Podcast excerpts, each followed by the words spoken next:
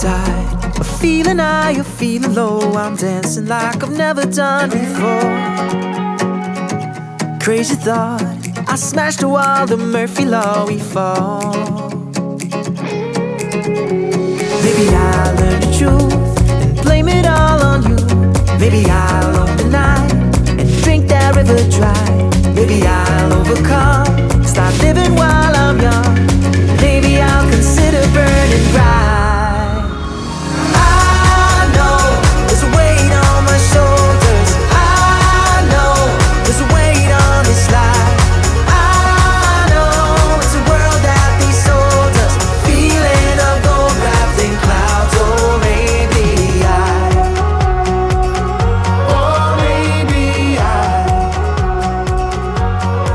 Då var vi här igen och det, fan, det var ganska snabbt in på förra avsnittet.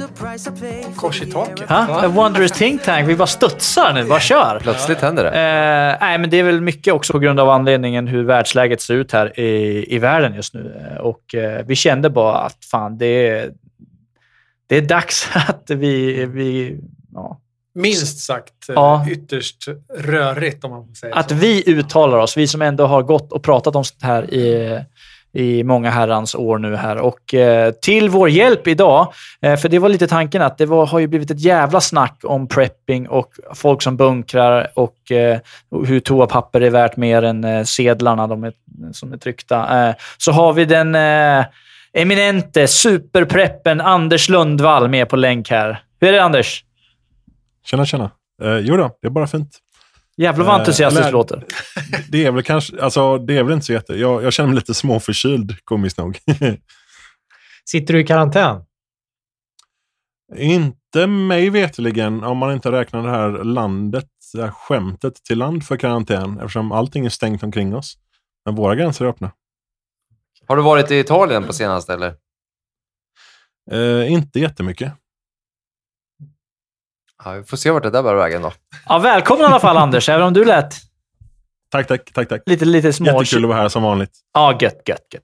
Eh, vi, vi ska, innan vi drar igång med hela det här eh, debaclet som världen ser ut som just nu, så ska vi faktiskt tillbaka till en god programpunkt. Eller hur, Lars? Yes, yes.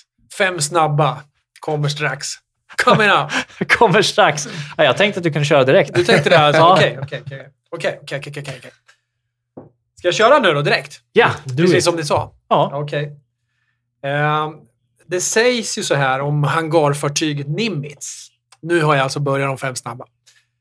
Det sägs så här om, om USA tog bort all sin militära styrka utom USS Nimitz, som är ett sånt där riktigt fläskigt hangarfartyg, så skulle man ändå vara överlägsen alla andra militärstyrkor. Det här kan ju inte vi veta skit om egentligen, men, men tror ni att det finns någon sanning i det där? Bullshit! Nej, det låter som eh, propaganda i mina öron. Okej? Vad heter det? Nimbis? Nimbus? Nimitz. Nimitz. Jät- Jättestort eh, hangarfartyg med, alltså, det har ju potential. Det har jättemycket stridsplan och ballistiska robotar och allt möjligt. Så att det är ju en stor spelare i gamet, men eh, att det skulle vara överlägset alla andra nationer, det har jag svårt att tro. Vi, vi pratade ju om den där händelsen, den här tic-tac-händelsen, som, som eh, ja, de såg någonting som, som påminde om tic-tacs, det är därför det heter det, som flög i närheten av USS Nimitz. Så vi världens ufo-händelse här för något år sedan, bara ett och ett halvt kanske. Den, den kan ni kolla, dokumentären. Tic-tac. Om vi ska tillbaka till Nimitz då, eh, så ja, det låter ju verkligen propaganda. Det är en, en fråga som slår mig är att borde en, borde en nation ha den, det övertaget på alla andra nationer på hela världen? Eh, om det nu verkligen skulle stämma. Jag tycker det är en, också en intressant fråga att, att lyfta, men att bara ett fartyg skulle kunna slå allting, det är ju... Det är ju ja, nej. Det är nästan som man blir sugen på att se, se dem försöka. Alltså, skulle de parkera den kärran utanför, utanför i, i, i Bottniska viken eller någonstans och titta på vad som händer? Mm. Hur, skulle, hur skulle de kunna lägga sig utanför i havet i Ryssland och bara så, så kom an nu, med, med bara den båten? Det måste Nej, vara det ett skulle gå. helsikes skepp. De är gigantiska, det är de ju. Mm. De har ju otroligt många stridsplan, helikoptrar, Ja, you name it. Ubåt eh, följer ju med dem, allt möjligt. Fr- Frågan är ju om det, om det är så man menar. Om man, om man, är det bara skeppet man menar? Ja, eller men är det, är det alltså, hela jag- liksom jag, enheten? jag, jag ser det ju som enheten. Ja, både- alltså ja. den enheten med vad det är, allt det är, jagar, ubåt och, och hela den harangen. Men eh, nej. Då är de- det ju ganska mycket grejer som följer med. Absolut är det, Ja. men, men att de skulle ta sig an till exempel Ryssland och, och sopa mattan med dem enbart med det här skeppet. Med en nej, båt. det finns inte. Det, det, det, Eh, det, är jag, jag, jag skulle gärna vilja inflika med en sak här, eller två saker faktiskt. Ehm, det ena är ju att Sverige är ju helt överlägsna på det här med ubåt. Vi smög ju bokstavligt in med vår ubåt mitt i en amerikansk militärövning och belyste dem flertalet gånger. Ja, Och det de där har jag hört om fan vi gjorde. Ja. Och det andra är ju att det är inte så många andra som har stora, eh, stora hangarfartyg i världen. Det är ju det här jättestora, roliga, boxerade eh, kolkolossen från Ryssland som man ser liksom komma på, på 10 sjömils avstånd för att den, ja, pannan går väl sådär bra kanske. Eh, nu kommer jag inte ihåg vad den heter, typ något ryskt. Eh, Admiral någonting jätteryskt långt heter den. Men så, alltså jag tror att det kan ligga lite sanning i det där. För eh, hangarfartygen, alltså de stora hangarfartygen i, som Nimitz till exempel, det är ju en jävla stad. Det är ju liksom Las Vegas, militärvarianten. Ja. Jag, jag skulle vilja lyfta den, den intressanta frågan då att eh, det här med att espionage och så här gamla klassiska spioner och så infiltratörer, att det har dött ut och nu är det bara cyberwar och allt det där. Är inte det också en jävla, när teknologin blir så pass bra som att Nimitz nu kan, eller Nimbus vad fan heter, kan slå hela vä- världen. Då kan väl en mole, en rysk mole eller en nordkoreansk jävla liksom, som sitter där och, och lagar mat och bara tar sig upp i... i alltså, då kan ju han vara den mest värdefulla asseten någonsin. Liksom. Kocken liksom. Så back to basics, liksom. skicka, skicka någon jävel, jävel med lös mustasch. Liksom. Du tänker på typ Steven Seagal. Ja, Typ. Under siege. Ja, Men, men du menar att han kom med ett litet magsjukepiller och så planterade det på en Ja, eller häller socker i tanken. Socker i tanken, klassiker. Eller, ja, eller ett litet virus. Eller ett litet virus. Ja, jag säger nej på den frågan. Nästa Lars, let's go. Vi kör, vi, vi kör eh, tack, tack Anders för, för ditt eh, svar. Ni, ni, får ju, ni får inte faktiskt... Det där var ju en riktigt jävla odödlig kommentar. Skicka någon jävel med lös mustasch. Det, det tycker jag... Det, det där är ju det där är ett, ett citat för tavlor. Vi kör fråga två nu. Okej. Är vi människor som lever nu de sista människorna med tanke på all modifiering som sker med människan? Alltså, det är ju DNA-modifiering med CRISPR, man opererar in chip, det är tatueringar som fungerar som förstärkare till hjärnan, eller tatueringar som ger liksom en telepatisk förmåga, eller som läser av kroppsstatus och kroppstemperatur och grejer. Eller delar ut perfekt dos med medicin som man behöver. Är vi liksom... Är det här vår... Är vi de sista liksom, riktiga människorna? Nu börjar förgrenas och bli nya typer av varelser längre fram. Vad tror ni? Att det blir en ny Homo sapien, fast Ja, det är precis. Homo sapiens sapien. Det är nu det liksom börjar förgrena sig. Liksom. Alltså ja, det, det är ju fullt möjligt med tanke på... eh, Vi är ju redan där i princip. Alltså, vart drar man gränsen för vad, vad, en, eh, vad en renodlad människa är? Är det en, en höftkula i titan också? Eller pratar vi bara om high-tech-prylar? Ja, men det var jag menar så här, till exempel om, om man nu ska, om vi nu ska börja skicka folk till Mars eller andra pla- planeter i solsystemet, så kanske man behöver modifiera människan med ett DNA för att kunna passa den, eh, den tillvaron eller miljön. Så man måste skapa en ny människa med nya egenskaper. Då blir man ju en ny typ av människa. Alltså, är vi den sista vanliga Men- människan? Men grejen är, kan det ske utan att det blir en naturlig liksom, evolution?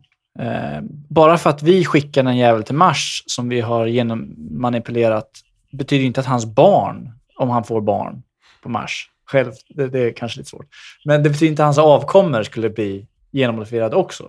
Utan han, Fast, vi, fast det blir det om du till exempel använder CRISPR. Då ändrar ju du ditt DNA i dig och då om du fortplantar dig så överför ju du den förändringen på din avkomma.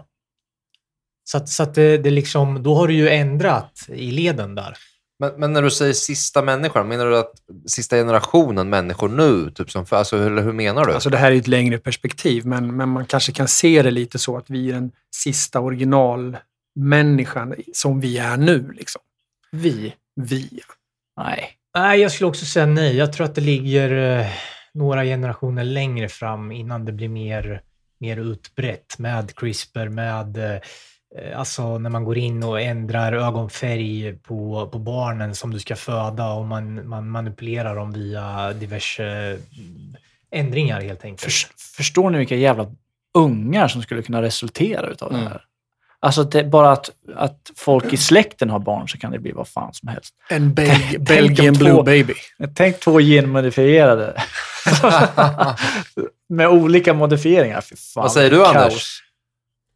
Ja, alltså, jag tycker ni missar en sak här.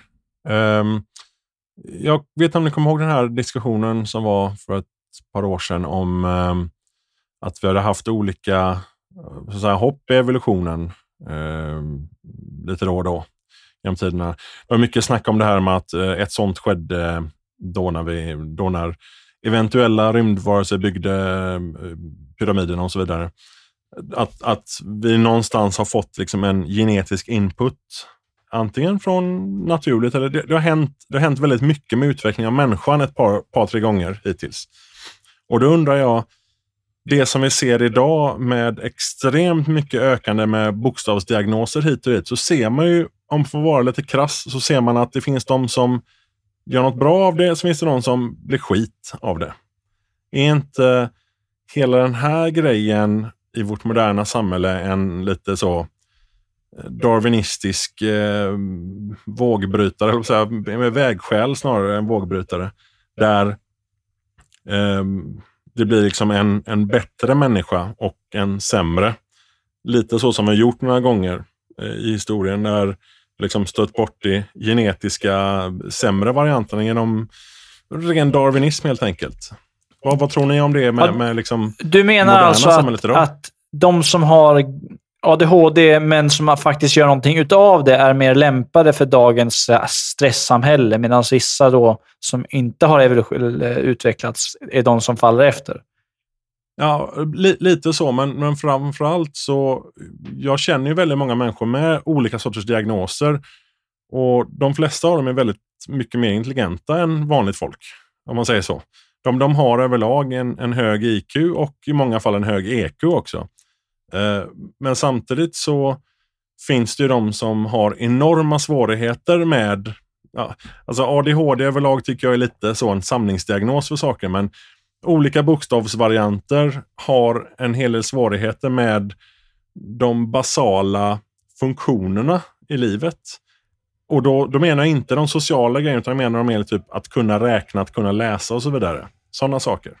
Jag, jag, fattar vad Jag skulle ju vilja lägga ner att typ 80-90 procent av, jag vet att du kommer hålla med mig här, men 80-90 procent av all, eh, all så här, ADHD-autism eh, handlar mycket om vad folk stoppar i sig. Och, och, och Kontaminering av våra kroppar, Ja. framförallt med tungmetaller och grejer som finns i, Eh, i naturen och i våra kroppar. Och, ja. Sen så tror jag det finns de här två, de här små procenten som jag tror faktiskt att du kanske är inne och tassar på. Det är en jävligt intressant, intressant frågeställning där Anders, om de här som faktiskt gör någonting utav det, där det inte blir ett, en börda utan det blir en styrka istället. Att man kan hantera många bollar i luften, att man kan göra mycket saker snabbt, man kan tänka liksom och, och klura och lösa saker snabbt. Att, eh, Ni, ni som att- är, ni är entreprenörer, flera av er, jag har fattat det som.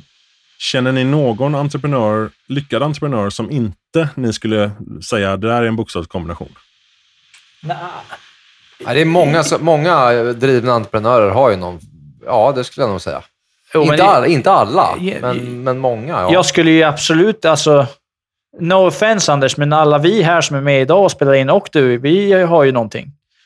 Ja, precis. Ja. precis. Eh, men men det, skulle, det är en jävligt intressant frågeställning. Jag skulle dock vilja fortfarande hävda att de största delen av de som har problem med såna här, och det är jävligt enkelt att bara lägga en, en bokstavskombination och så vidare, men jag tror att det är det, är det de stoppar i sig, det de äter. Man har sett jättemånga fall där när de kommer till en miljö där de kanske stressar ner och så vidare och sen får i sig rätt kost och man, man, man testar och tar bort så, så försvinner till och med autism på barn. Och, man är ju känsligare, vissa är ju känsligare för saker än andra är. Ja. Och, Jag har ju testat det där Ja. själv. ja. Jag har ju någonting, I don't know what it is, men, men det är ju någon form av bokstavskombination. Jag är ju överaktiv och behöver göra saker hela tiden och mår dåligt om jag sitter fast.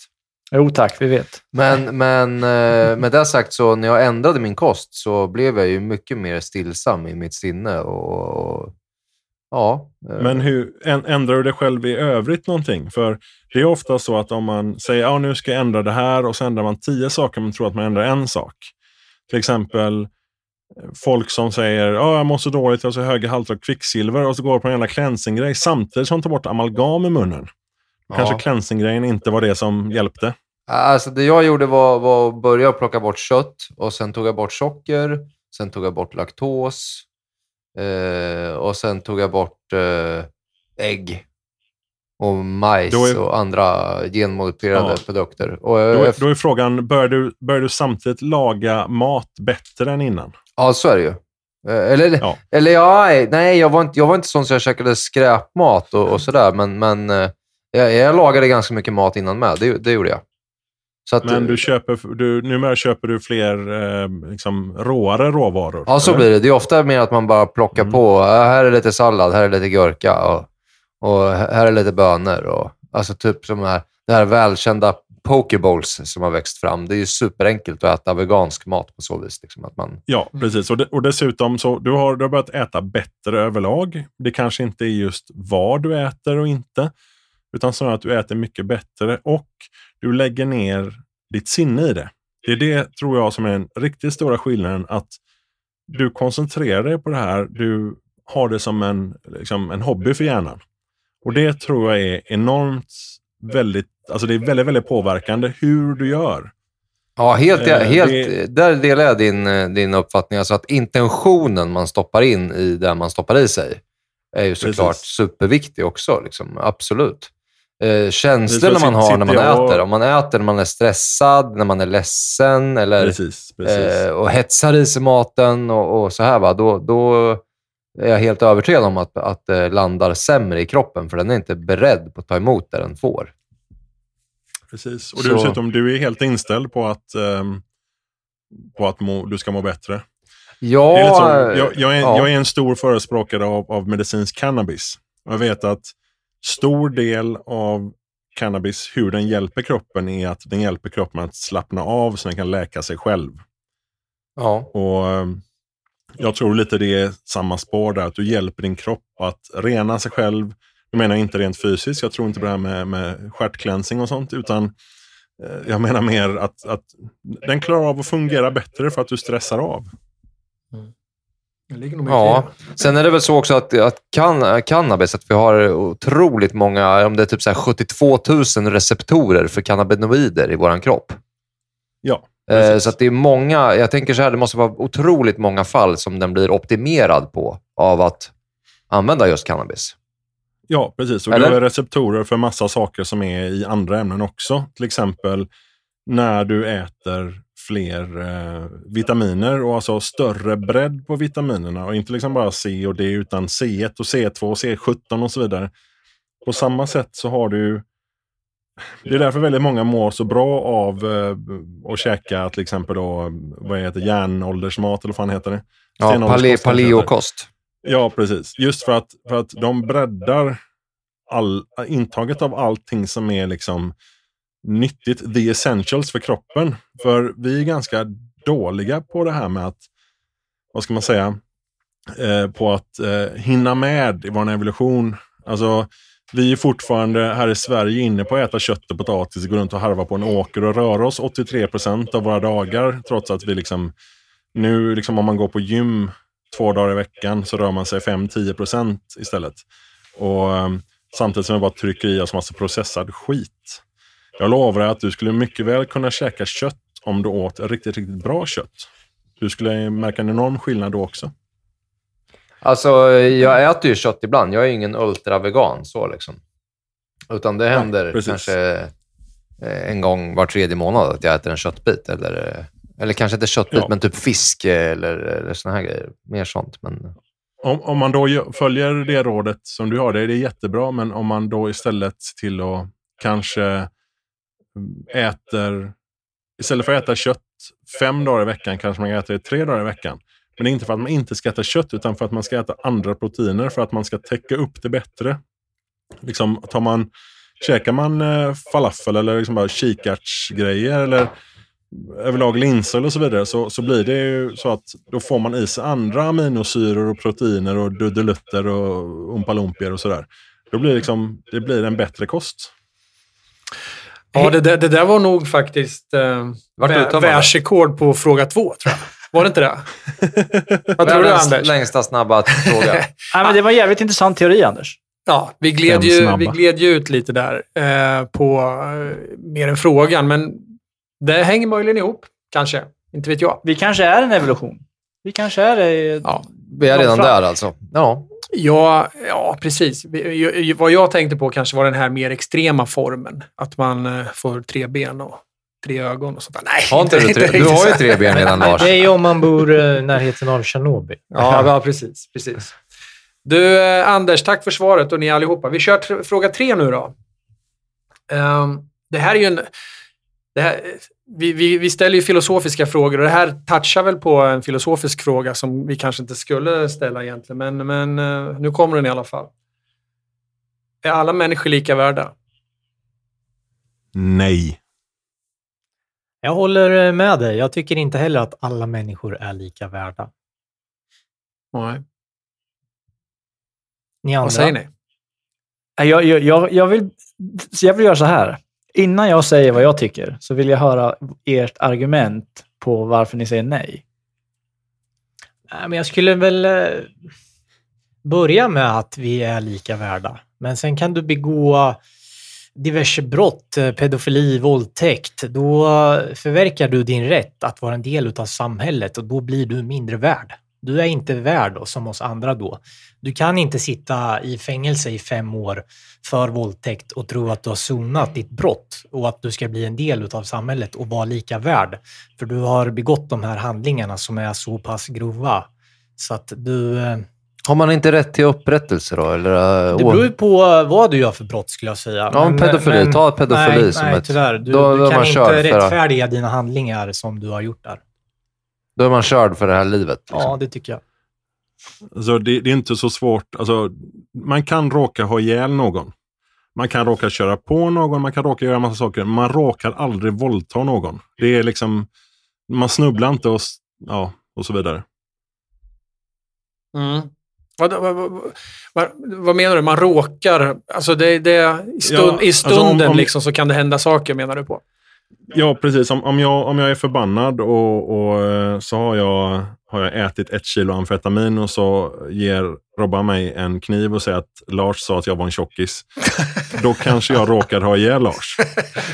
Eh. Och då är det helt okej menar du? Nej, men alltså det är ändå så att det, det, det är ett misstag. Det är, eh, så här, men man råkar liksom inte lägga sig och ha sex med någon som inte vill. Det är alltså det Att sticka kniven i någon en gång kan man råka. Man sticker inte kniven i någon, råkar göra det typ 52 gånger. Och det är lite, lite sak, samma sak med kuken känner jag. Att Så en gång är en gång? Eller vadå? en, en gång, är ingen gång och 52 gånger är alldeles för mycket helt enkelt. Ja. Nej, men man, du tycker att man, man förbrukar sin rätt alltså, också, på något sätt? Det, ja, det är lite så berått mod. Dessutom så gör man vissa saker så kan man inte förvänta sig att få att åtnjuta den vanliga respekt som en, en vanlig människa får längre. Utan man är ett jävla as. Och det, det är liksom... Det behöver man inte vara för att man råkar ha ihjäl någon av misstag. Men om man, ja, som sagt, råkar tända eld på ett hus på fyra sidor och sådär. Mm. Det är, så, det är så jäkla lätt att döma folk också.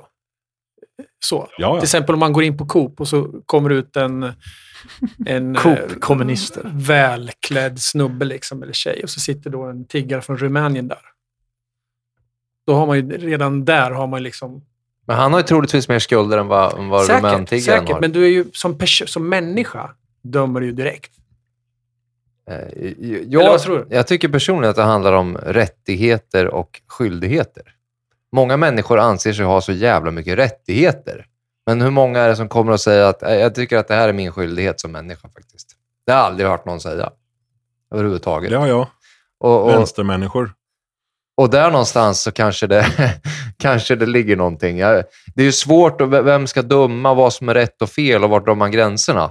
Men, men någonstans så måste man ju fråga sig, vad, vad har jag för skyldigheter här? Jag träffade en lärd man en gång. Han är död nu. Han sa det att inte någon kan döma någon annan till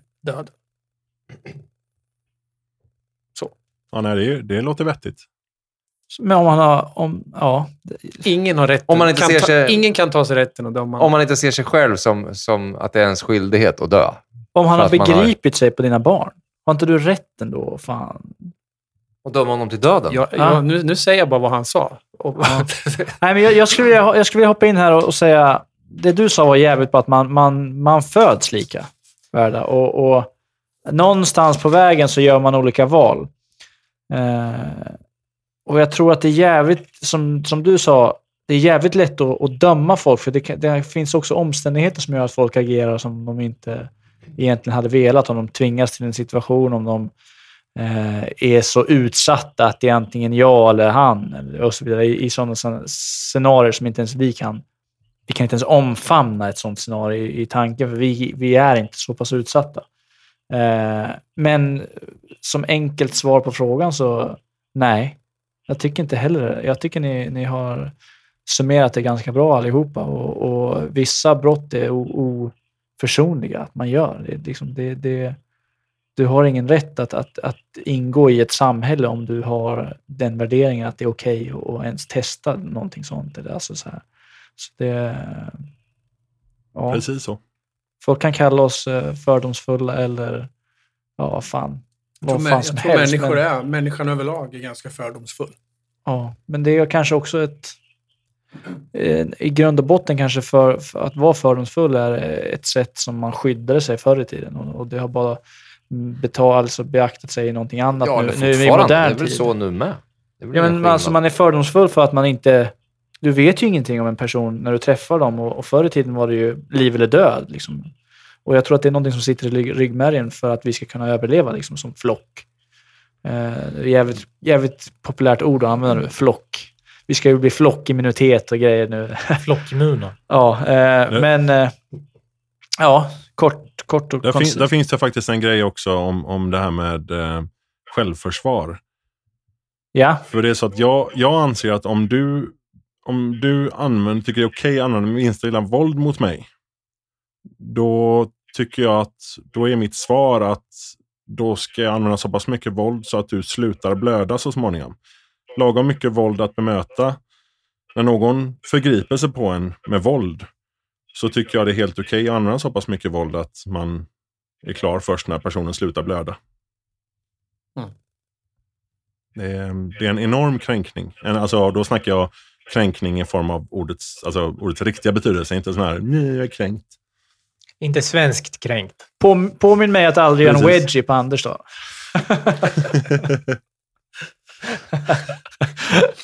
Ja, Lars, ta vi går vidare. vidare. Vi går vidare. Då ska vi se här. Då är fråga fyra här. Då. Kan man bli mer motståndskraftig mot infektioner om man utövar andningstekniken Wim Hof? Vad tror ni om det? Ja, Ja, alltså det där har ju Wim Hof bevisat. För er som inte känner till Wim Hof, alltså den holländska Iceman han är även kallad. Han har ju bestigit Mount Everest Base Camp i kalsongerna och, och, och såna här sandaler. Eh, men han har, ju, han har ju injicerat sig själv på, under kontrollerade former i, i ett, på ett sjukhus. Men vad då? Och på, med ett virus. Corona eller? Vad sa du? Corona. Corona, ja. Det skulle ju vara intressant att se om han, om han stod emot den också. Kanske han som är superspridaren. Det kanske han som börjar med alltihopa, ja.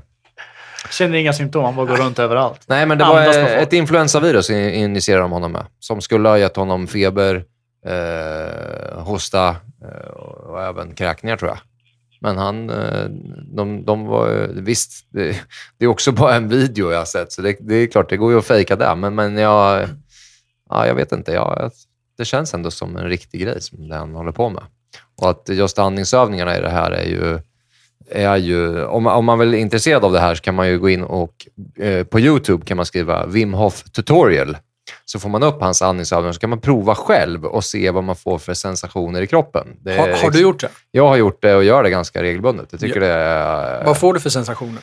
Ja, Vadå- han kallar det för... injicerar dig själv med virus, eller vadå? Nej, nej, nej, nej, nej. Nu handlar det om att andas här. Eh, alltså han, han, han säger ju själv, getting high on your own supply. Det kanske vore något för dig, Anders, du som är prepper och eh, är förespråkare av cannabis. Ska jag, Eh, men, men hur som helst så, så eh, blir man ju lite som att man, blir, man tappar lite tidsuppfattningen i, i den här... eh, det är som att flyga lite i rymden faktiskt. Men, men det blir lite som meditation då Ja. med andningen, att du uppnår någon form av annan eh, status. Ja, inte I, status, men, ja, men i status medvetandet. möjligtvis. Ja. Ja. Men vad då får du, du, du suger i dig så mycket syre så att Du, du, du, får är en egentligen du hetsandas under, i Ja. 30, 30 djupa andetag. Och, och sen blåser man inte ut luften, det, utan du bara släpper den. den, den du, du maximerar intaget av luft och så släpper du det. Du blåser liksom inte ut och tömmer hela lungorna. Så, så, du hinner börja om innan du liksom har fått ut all syre. Och så gör du så 30 gånger och sen andas du ut.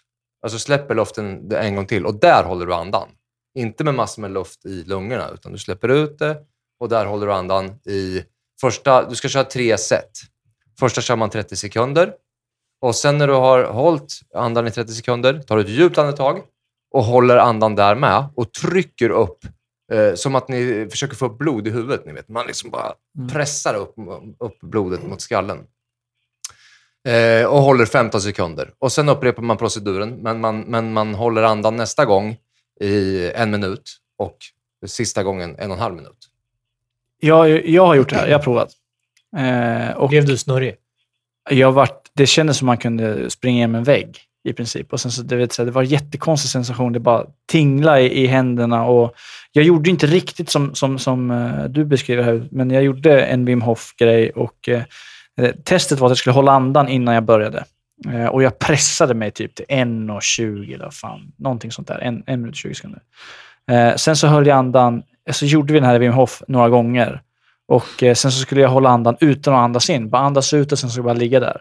Och när det hade gått 2.40 då, så sa han det, det är lugnt, du kan andas nu. Så det, och jag hade kunnat hålla längre. Så du menar du gick från typ 1,20 Och kämpade. Jag var ju Ja. nästan blå. Liksom, till, till 2,40 då? Och jag hade kunnat hålla mycket längre. Eh, och, det var, och hela kroppen var så syresatt. Ja, det är Så- det du gör. Du, ja. du trycker ut syre i hela kroppen, i alla liksom, kroppens hörn och kanter och, och skrymslen och vrår.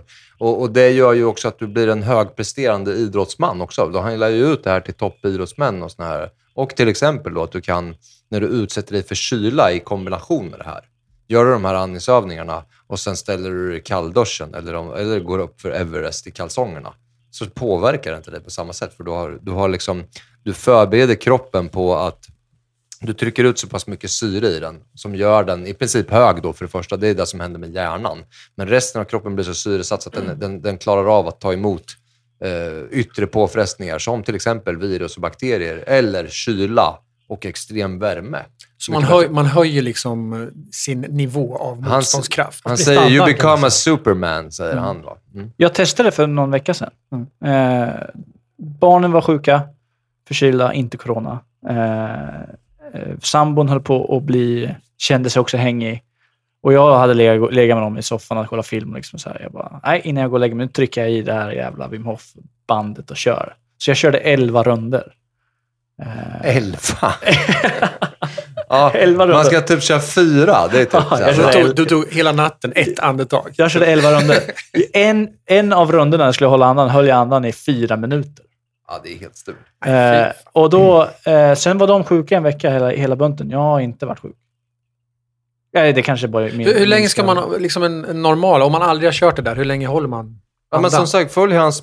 Följ hans ja, men vad är normalt? Är det liksom... Nej, Men håll andan nu, vi kan ta tid sen. Så kan Vi kan, se. prov, vi kan Ja, prova det här alltså- och prova det hemma också. Det är bara att gå in på Wim Hof Tutorial på YouTube och testa. Och så kör ni de här tre v- vänderna så får ni se hur länge ni kan hålla. Anders. Man behöver ju inte hålla hans, man kan ju också Ja. testa själv och se hur länge klarar jag det här. Anders, har du hört någonting om Wim Hof? Ja, absolut. absolut. Jag har sett mycket av honom. Det är jätteintressant. Eh, Mycket av det är ju bara det faktum att man andas någon annanstans än en jävla stad. gör ju väldigt mycket.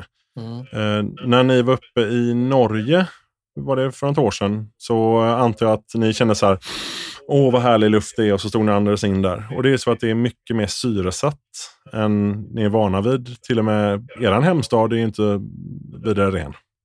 Örebro är väldigt Ska väl, syresatt. ska väl tillägga också Mycket att syre. eh, Wim Hof, han, hans fru dog ju när han var typ så här 25-30 bast eller något. Och eh, då gick han ju ner sig fullständigt, men han sökte tröst i, i han lärde sig sanskrit och, och, och sökte tröst i gamla yogiska texter. Mm. För att hitta Mm. nyckeln till, liksom, eh, eh, ja, men till livet. Och, och det var här, Mm. det här var ju, som jag sagt, det här är jag, det jag har tagit fasta på och eh, som yogisar har gjort i, i hundratals, hundratals år. Eh, som jag enkelt kan applicera på vem som helst, alla kan lära sig det och alla kan må mycket bättre av det. Då är alltså det här jävligt viktigt. Ja, Vet du vad vi gör? När vi har tryckt på stopp, vi har spelat in det här avsnittet, kör vi då gör, kör vi en kvart med Wim Hof. och så kan vi väl lägga en, en länk i våran, i våran tråd så att alla lyssnare kan gå in på... Det finns även en gratis app att ladda hem där den här följer. Hur, den har jag på min mobil. Wim Eh. Hofmeister eller vadå? Ah, jag vet inte, jag, vi ringer Anders nu. Eh, Om inte lyssnarna har, har förstått det så har vi Anders via länk här nu. För i de här coronatiderna så får man inte resa. Och, Nej. jo, vi får fortfarande resa här i Sverige. Men, Det var lite meck att få ihop det faktiskt, men Ja. det löste sig till slut. ja, så om ljudet Jag kan, ju blir... säga en, en, jag kan säga en väldigt intressant sak. Jag, jag, jag sa att jag avbröt lite. Vi har ju lite delay här så det blir lite hackigt ibland. Men eh, det där med syresättning och sånt där. Eh, när jag, ni har ju träffat mig. Ni vet att jag är ingen graciös människa. Jag har inte vidare bra kondis. Eh, när jag var uppe och besökte vänner i Jämtland så var jag uppe på ett ställe som heter eh, Getgrottan. Och då knatar man i ganska brant sluttning uppför en skog. Och jag blev inte ens andfådd för att det var så bra syresättning där. Det, det var det småregnade lite, det var en fuktig, väldigt så eh, mitt eller slutet på sommaren, skog, så det var väldigt mycket grönt och, och bara en sån sak är otroligt nyttigt. Michael Jackson hade ju rätt med sitt syrgastält, förutom småpojkarna han hade i det. Då, men men, men alltså det, det var ju otroligt, det är otroligt bra bara att se till att andas. När jag kommer upp till vårt hus i Norrland, så första nätterna sov jag 12-13 timmar. Jag är helt klubbad. Och, och förut när jag kom ut hit till Bohuskusten så var det likadant. Att när jag kom från smutsiga, smutsiga Amsterdam där jag bodde i många år. Kom upp hit till Bohuskusten och, och andra så jag blev klubbad. Det var bara det var syresättningen. Så, alltså bara att, att se till att andas på ett bra ställe gör väldigt mycket för hälsan.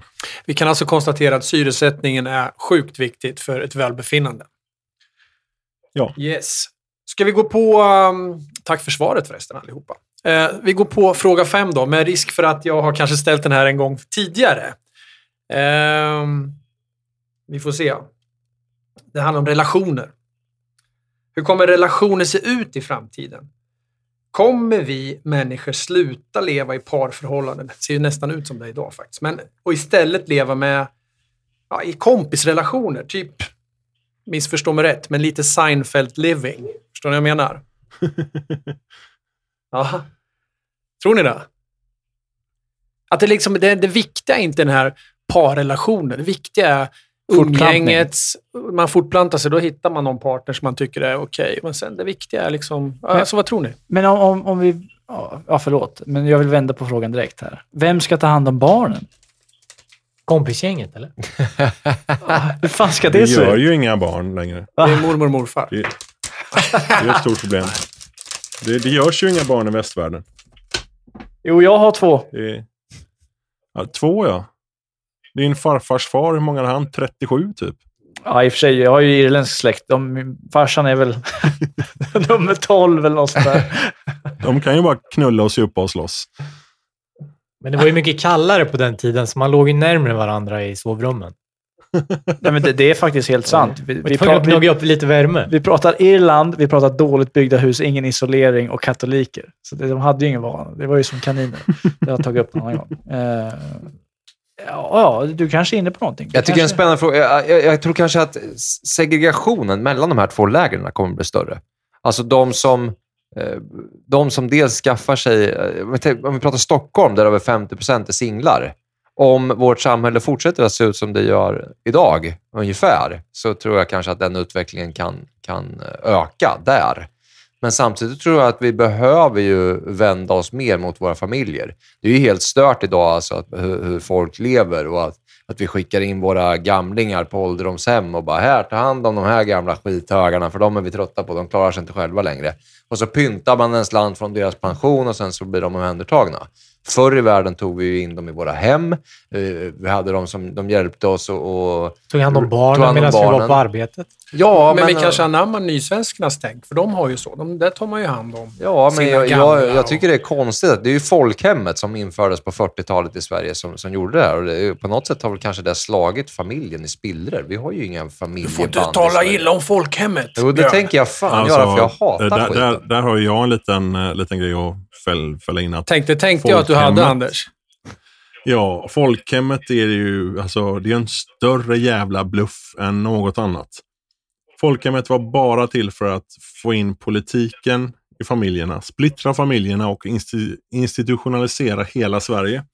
Ja. Se på, se Lura på in till och med dagis idag så ska de ha en jävla genusblaj och sånt där.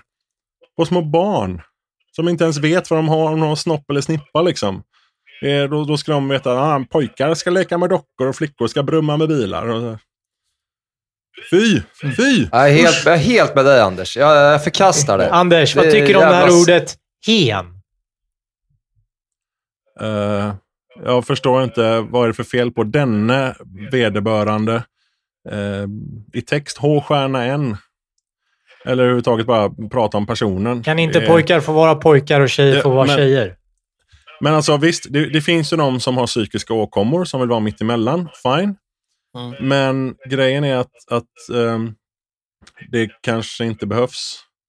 Och om de vill vara det så, så ja, låt dem. Varför ska vi andra behöva bry oss? Men det värsta med ordet hen, det absolut värsta av allt är att det inte går att böja. Det säger han, han och honom, hon och henne.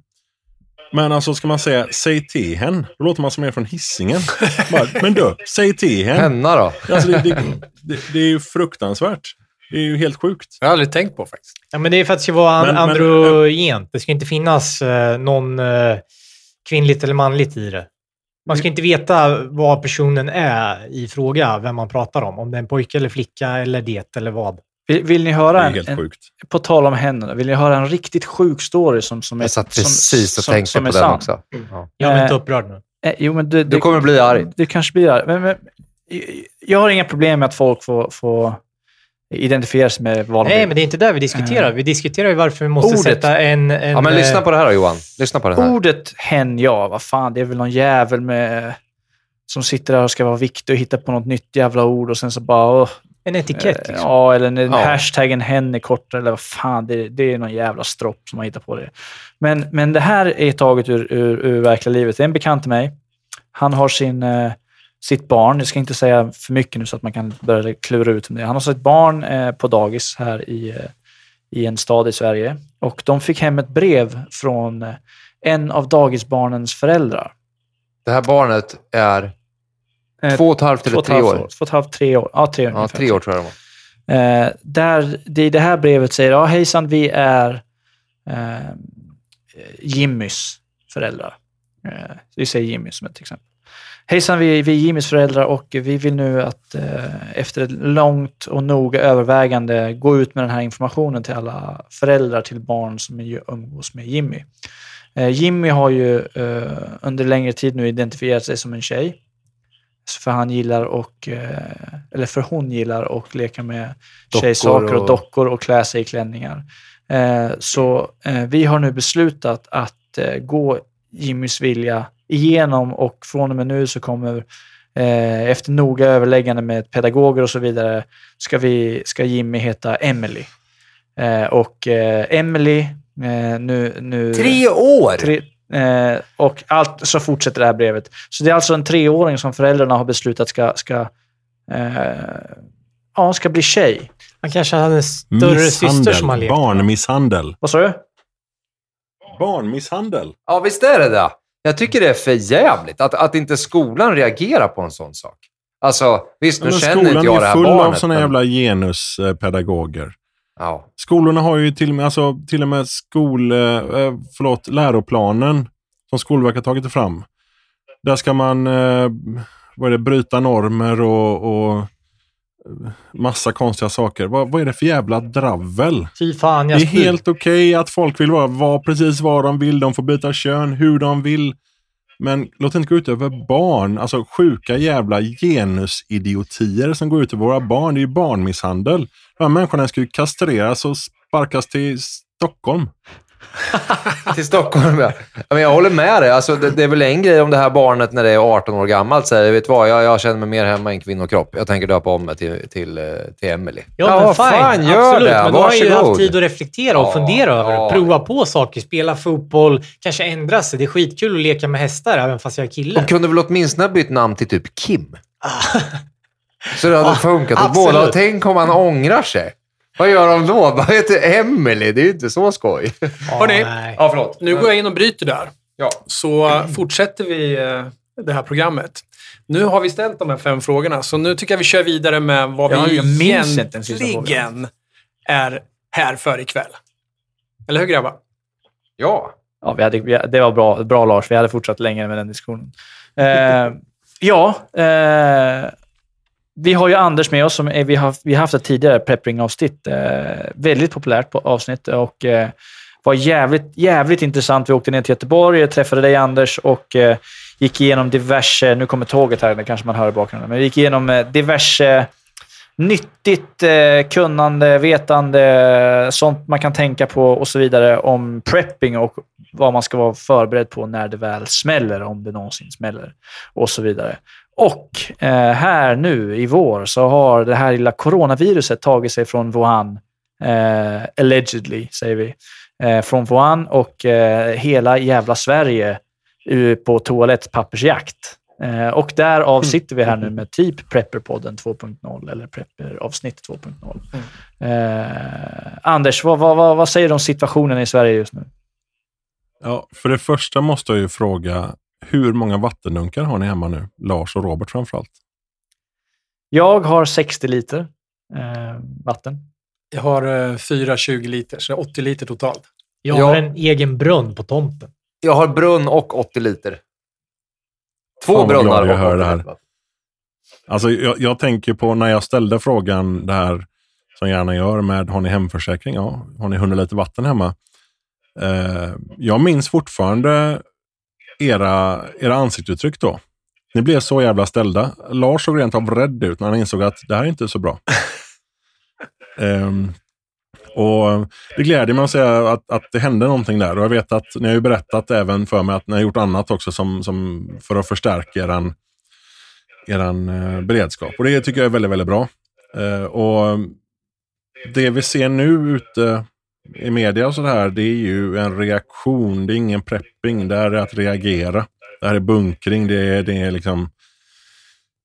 Ja, det är ju rätt många av de här människorna som, som har snackat skit om preppers och så vidare som nu springer liksom och köper upp allt dasspapper de kan. Och det är väldigt, väldigt konstigt för eh, här i min lokala butik så var det alltså slut på jäst, mjöl, havregryn. Det låter ju rätt bra logiskt hittills. Eh, dasspapper. Inte hushållspapper. Eh, så jag vet inte. Eh, och sen dessutom då all pasta utom lasagneplattor, men all köttfärs. Så man ska uppenbarligen inte göra lasagne, för alltså grädde var nästan slut. Så det var alla bra ingredienser till en schysst tacolasagne eller så. Men, eh, och, och sen kunna skita ut den för att den var asäcklig. Men jag, jag förstår inte riktigt logiken. Och jag pratade med min chef som är indier. Och vi tyckte det var väldigt roligt för all svensk mat är borta. All mat som kom från utlandet, utöver kanske lite thaimat, är där alltihop. Det är ingen som har rört curryn liksom. Och, och, korma, korman från Indien och sådär. Kryddorna. Alltså, Det, det är ingen som har rört de sakerna. Så, så vi vet ju att, att svenskarna kommer inte överleva det här. jag, hörde, jag hörde, jag har en kompis som har en, eh, en tjej som jobbar på ICA, ganska, har en bra position där. Och hon sa det att mat finns till alla så. Det är bara att vi hinner inte med att få ut i butikerna i rätt fart, eller i rätt hastighet. Så. Så Nej, precis. Jag, jag såg eh, bilder från eh, Citygross i Uddevalla idag. Där var det som vi ser på västkusten, superrent på allt vad... Oh, sorry, jag har druckit julmust där. Eh, den på gå ut, förra årets julmust. 2018 alltså. Eh, det, det var superrent på, på allt vad dasspapper hette. Ja. Eh, och då fyller de ändå på idag. Och fyllde på idag och fyllde på idag. De fyller på tre gånger idag. Huh. Och eh, det är ändå tomt. Folk ska tydligen ha jättemycket dasspapper. Du, du Anders, hur, hur går snacket bland eh, ni som är liksom mer expertprepper som har förberett er länge inför saker och ting? Så här, hur, hur, går, hur går era tongångar nu? Hur mycket garvar ni åt Vi har, just alltså, ja, vi, har, vi har ju ont i magen så mycket har vi garvat. Men det är däremot väldigt många som, även om de reagerar, så vill de lära sig ordentligt från grunden. Det finns ju väldigt många som bara går ut och köper allt de brukar köpa, jättemycket, och står hemma och stoppar det i frysen och kylen. De kommer ju behöva slänga hälften av det där, för de kommer liksom inte sitta och göra allting. Men sen finns det väldigt många som faktiskt ställer frågor. Jag har ju fått enorm trafik på, på min egen podcast, Prepperpodden. Mm. Eh, som jag är dålig på att uppdatera med nya avsnitt. Eh, och då tänkte jag göra ett corona-avsnitt, men det sket ju sig nu när jag ska vara med hos er istället. Eh, men jag får väldigt mycket förfrågningar. Det är DM på Twitter, det är på Messenger, det är i, i prepping och krisberedskapsgruppen som jag håller på Facebook. Anders, ta det igen, eh, din sida. Prepper... Ja, vilken av dem? Ja, jag tänkte på Eh, den... Men då ser det så här. Svenskprepper.se, prepperpodden.se och Facebookgruppen Prepping och krisberedskap. Okej. Så om Och våra lyssnare är där ska ni intresserade, Även... Så om våra lyssnare är intresserade av att lära sig mer av prepping och krisberedskap och så vidare och inte sitta där helt plötsligt och stå och titta på tomma hyllor med toapapper, då kan man gå in på dina, dina sidor. Vi, vi, vi upprepar dem en gång ja, till. Precis. Ja, eh, prepperpodden.se. Jag kan lyssna lite grann. Eh, och svenskprepper.se kan du läsa lite grann. Eh, gruppen Prepping och krisberedskap på Facebook. Även eh, hashtag prepper.se på Twitter. Och sen vill jag faktiskt slå ett slag för podden Hemberedskap som precis har gett ut vad jag tror är andra avsnittet på sin nya serie där de går igenom grunderna igen. Så där kan du faktiskt lyssna på alla grunderna till prepping. Och de kommer ut på en gång i veckan tror jag. Jag tycker det Ehm. var ganska intressant om man recappar lite från förra avsnittet med, med dig, Anders. Då, Mm. Du är ju inte bara en sån som har liksom studerar och, och så här kan man göra. Du har ju, liksom, du har ju levt i miljö där du har försatt dig i en sån här, eh, ja, i någon påhittad händelse bara för att se hur du klarar en, en eh, tid i en sån här händelse. Ja, absolut. absolut. Jag körde två veckor som kallas för skarpt läge. Mm. Då, det var ju ganska så, det var ju inga som helst problem. Jag, jag drack inte ur dunkvattnet, men jag mätte upp hur mycket vatten jag drack. Ja. För då slipper jag ju höll, hålla, hålla på och hälla upp i dunkar hela tiden. Det är lite jobbigt. Ehm, jag ehm, skrev samtidigt en berättelse som var halvfiktiv, men det jag gjorde på riktigt var att så att säga, besöka platserna jag skrev om och markerade. Det vill säga, jag stod där och gick igenom i huvudet hur jag skulle gjort om det skulle vara någonting där och så. Eh, det var väldigt intressant för där har jag min, min kompis Annette. Hon har ju gjort någonting under hashtaggen en vecka. Där hon både på sommaren och på vintern har stängt in sig i sin lägenhet en vecka.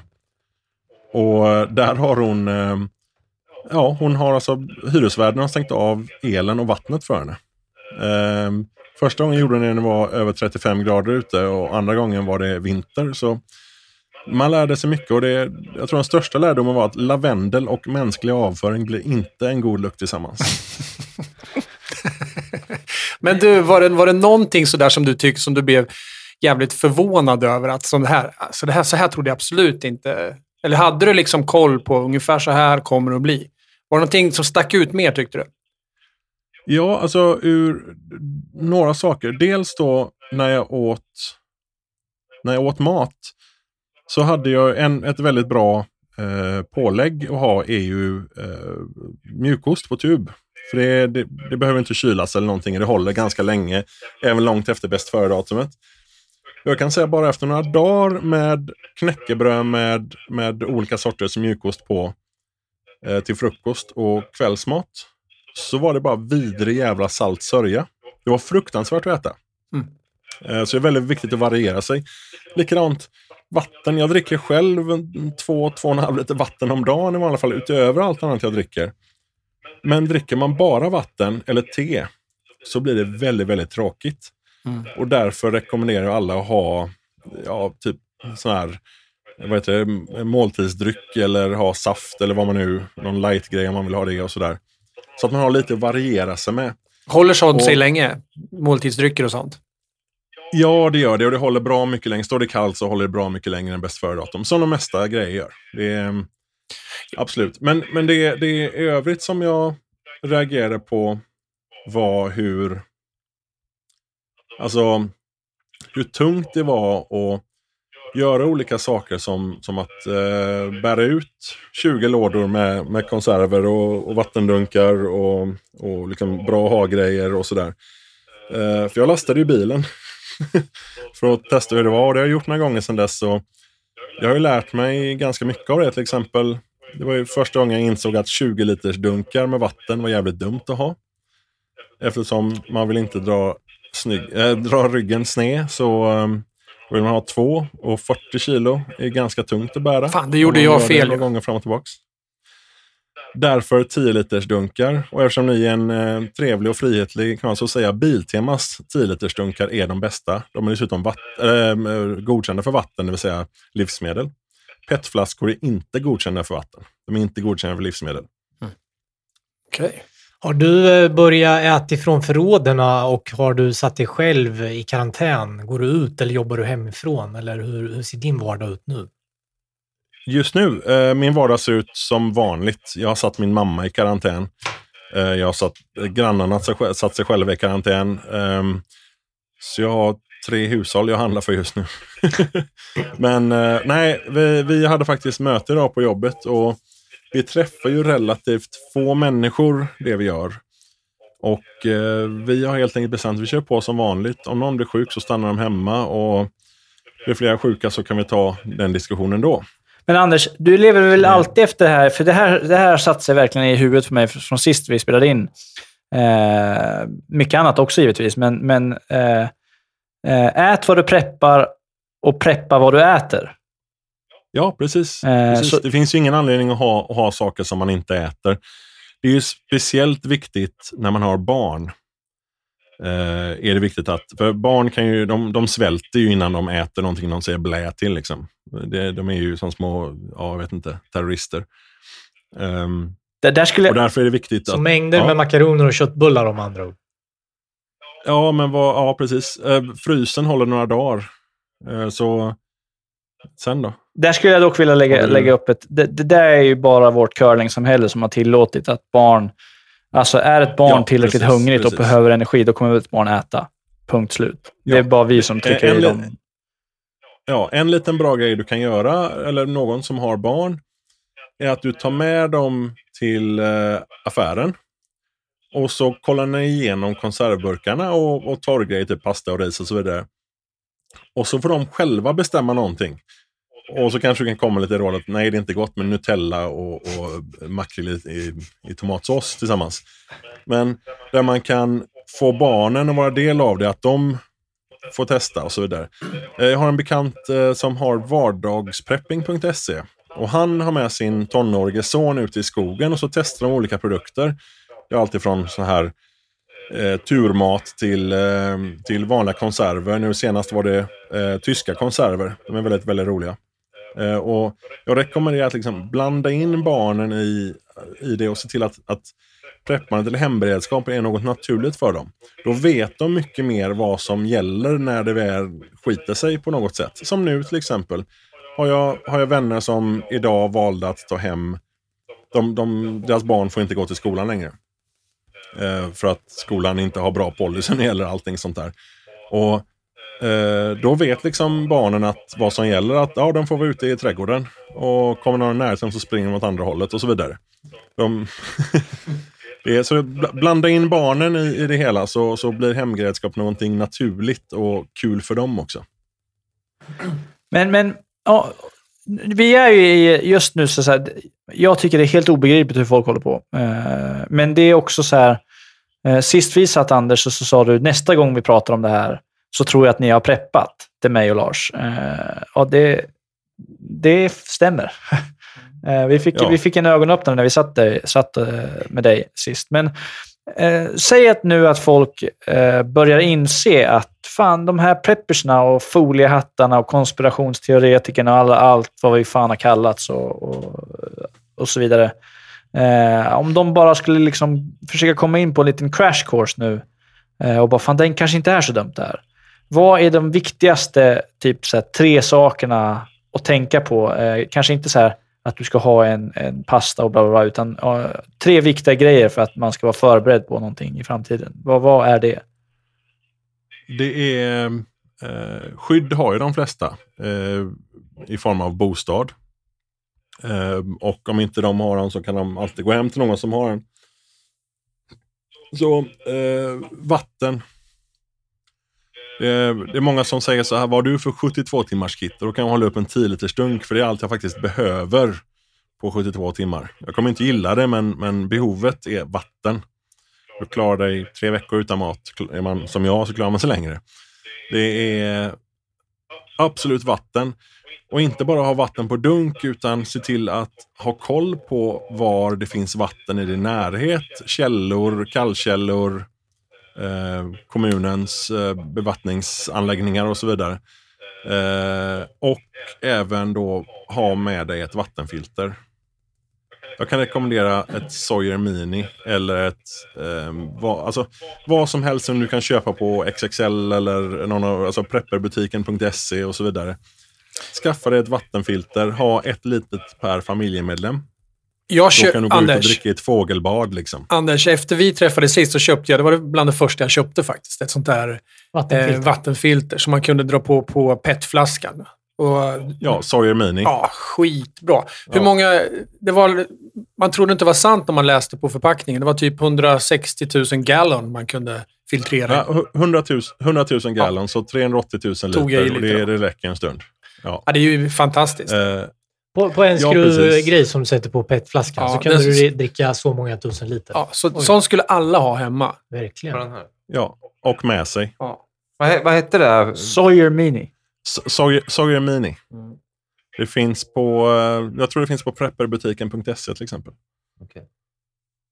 Ehm, ja, så vatten är en sak.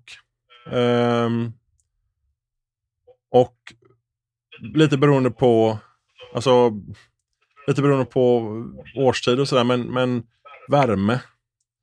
Bra kläder, filtar, eh, möjlighet att, att stänga, stänga in sig i ett rum hela familjen för att, för att spara värme och sådär. Se till att ha lite eh, lite värmeljus och kanske någon värmare. Men se till också att veta hur de fungerar. Veta hur du, att du behöver syre och sånt där. Det är väldigt viktigt. Syre är bra har vi konstaterat redan. Eh, och ja, sist men inte minst mat är bra att ha. Eh, vilken seriös prepper som helst kommer säga till dig att visst, de kanske som jag då har mat för många, många månader. Men det är bara en buffert. Det är en buffert till antingen till att bli bättre igen, till du kan skörda det du har odlat, till du kan eh, plundra. Nej, eh, men, men alltså det, det är viktigt med, med, med det. Och, och som en liten, liten fjärde sak skulle jag säga hopp. Det vill säga spel, choklad, något musikinstrument killen med gitarren kommer äntligen sluta bli hatad när skiten träffar fläkten. Ja, Eh, till och med om man har en manband så kommer han sluta bli hatad. Ah, ja, bra tips där, Anders. Så, Eh. Får jag hoppa vidare med, i den här soppan som corona är nu och vi har ett virus på oss och eh, det råder karantän i stora delar av Europa och, och folk är rädda. Vad tror du är nästa steg i utvecklingen? eh, att de flesta av oss får det. Jag tror det är, det här är en äkta pandemi. Jag råkade ju själv ut för eh, mexikanska influensan där. Var det 2008? 9? Jag kommer inte ihåg. Ehm, och svininfluensan alltså. Och det var ju som att ha en man cold en vecka. Eh, Då var jag yngre och friskare, men, men jag tror att de flesta av oss kommer få coronaviruset. Okej. Jag tror att det kommer vara en mycket högre dödssiffra än det är idag. Eh, till och med i Sverige där vi har slutat testa människor som inte ligger på sjukhus och blöder ur stjärten liksom, så eh, har vi ju fortfarande en, en, en gigantisk uppåtgående trend. Och eh, I vanlig ordning som, eh, låter lite konstigt kanske, men om vi jämför med ensamkommande flyktingbarn, som det hette. Eh, så i Danmark och Norge så var det 70-80 procent, jag kommer inte ihåg exakta siffror. Det var 70 någonting i ena landet och 80 någonting i andra landet som visade sig att de var inte barn. Och eh, i Sverige så fanns det inte några sådana siffror. För att här var alla minsann barn. Och lite på samma sätt fungerar det nu med corona. Nu finns det ingen som är smittad. Det är jättebra. I Sovjet fanns inte en enda människa som begick självmord. Nej. Det är alltså... När vi har eh, när vi har statistik som styrs av staten till den här nivån, att de fortfarande tror att de är enda media-outleten. De, de, tror att, de tror att de kan kontrollera det genom att ljuga. För vad som än händer i Sverige så slutar det alltid med att en jävla myndighet raseras och så står en sosse där och ljuger. Mm. Och nu är det den här förbannade... Jag blir så upprörd så jag inte kommer ihåg vad han heter. Han som ser ut som han har ätit bajs. Löfven Tegnell. Pernell. Ja, nej. Löfven ser ut som han har rökt bajs. Eh, men,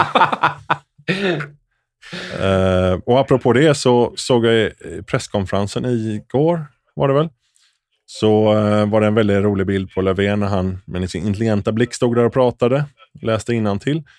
Och samtidigt kom det upp en liten sån här eh, banner om att eh, smartare än en femteklass ut, femteklasse utgår. Och det var lite roligt tycker jag. Ehm, en bild på honom med den, den texten. Men nej, det, det, det är ett stort problem. Vi, vi, vi ljuger som, som den forna Sovjetstat vi är. Och det är, det är inte okej. Och Det kommer gå käpprätt åt helvete just på grund av det här enorma eh, alltså folksveket som är flockimmunitet. Mm. Det, de, de vågar helt enkelt inte de vågar inte eh, eh, stänga skolorna. Jag menar, det tog två timmar i vilken Stockholmsförort det nu var, när det var strömavbrott där, så började de plundra eh, affärerna. Två timmar. Ja. Vad tror du skulle hända om de, de stängde alla skolor i no-go-zonerna? Det skulle inte gå så bra. Var det Anders Tegnell du tänkte på, eller? Ja, precis. Så heter det. Du Anders, jag, jag träffade en, eh, jag träffade en sjuksköterska häromdagen. Hon kom och pratade med mig och då sa hon det att hon var så jävla förbannad och upprörd för att eh, alltså det ljugs så mycket. Vi har, vi har inte alls kapacitet för det här. Det finns inte eh, på kartan, sa hon. Och ändå står man och säger att det är lugnt. Liksom. Ja, och eh, Tegnell han eh, kläckte ur sig eh, ganska opassande saker om Italien som har mångt och mycket, mycket, mycket mer beredskap än vi har och se hur det gick för dem. Så, så, här, så här är det. Sverige har idag, vi ligger i botten i Europa, eh, sängplatser per tusen capita. Eh, vi har, alltså nu pratar jag inte int- intensivvårdsplatser, utan jag pratar sängplatser. Komma in och, och få en plats bara. 2,2 sängar per tusen människor har vi eh, idag Mm. möjlighet till. Eh, dock så vill jag, eh, jag... Jag hör vad ni säger här om Sovjet och så vidare. Och, och, och det här med att Sverige inte ens testar längre och, och så. Men det finns en annan, en annan del i det här och det är hur folk reagerar på det här viruset. Eh, och det är mycket media, det är mycket uppblåst. Eh, jag skulle bara vilja att folk bara lugnar ner sig. För, för i och med att vi inte testar fler i Sverige Eh, betyder att många, många, många, många gånger mer folk är smittade. Och Det betyder också att dödsprocenten, eh, alltså eh, farligheten, är mycket mindre. Så varje dödsfall som sker nu höjs ju procenten dödlighet. Men egentligen så höjs procenten smittade mycket, mycket mer. Det är inte så att någon eh, rapporterar eh, antal döda per dag i en vanlig liksom, influensasträng och så vidare. Och, och jag tycker, jag, jag, min personliga åsikt är att det här är så här, totally blown out, alltså, out of proportion. Alltså det, det, självklart eh, så är det är tusentals i Sverige som är smittade och de vill, vill inte eh, mäta det och de vill inte liksom gå ut med den statistiken. Och han, som, ja, de som sitter på tv och så vidare, och, och han Tegnér, eller fan han som... Tegnér. Enligt, han, han, han som hade ätit bajs enligt dig, Anders. Rökt bajs. Rökt bajs. Eh, han, var Löfven. han, Det var han, Löfven som hade de, rökt de, vi har alltså människor i toppen som bestämmer, som har sin... Är liksom, de försöker skydda sin, sina egna uttalanden gentemot gå, gå emot andra länder som har då lyckats på något sätt stoppa den här eh, ökningen och det här med flockimmunitet är helt galet. Men jag skulle också samtidigt som hur, alla de här felen de gör och så vidare, så, så skulle jag vilja slå ett slag för att fan, lugna ner er folk. Det är, det är som en vanlig... Alltså mörkertalet är så stort. Absolut.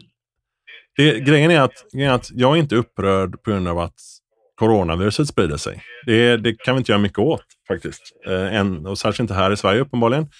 Men det jag opponerar mig mot och blir upprörd över är att vi behandlas som små dumma barn.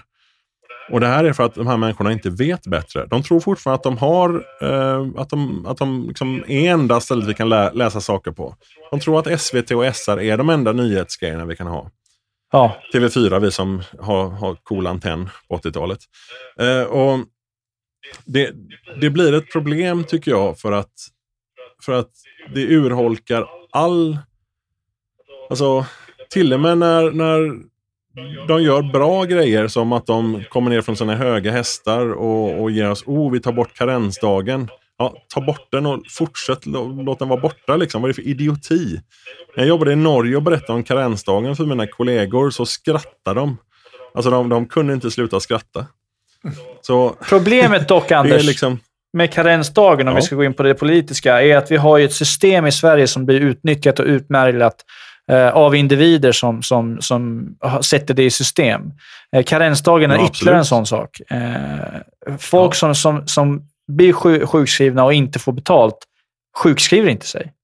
Eh, med karensdagen, det här är vänster... Det, ursäkta allihopa, det här är min åsikt här. Det, det är inte alls poddens delade åsikt. Men Vänsterpartiet har lobbat för det här i flera, flera, flera år. Eh, och nu äntligen, eh, nu i de här coronatiderna, så, så var deras röst, oh nu jävlar kan vi, kan vi liksom ta vara på den här chansen och utnyttja att folk eh, dör som flugor i Italien och, och få igenom vår jävla karensdag.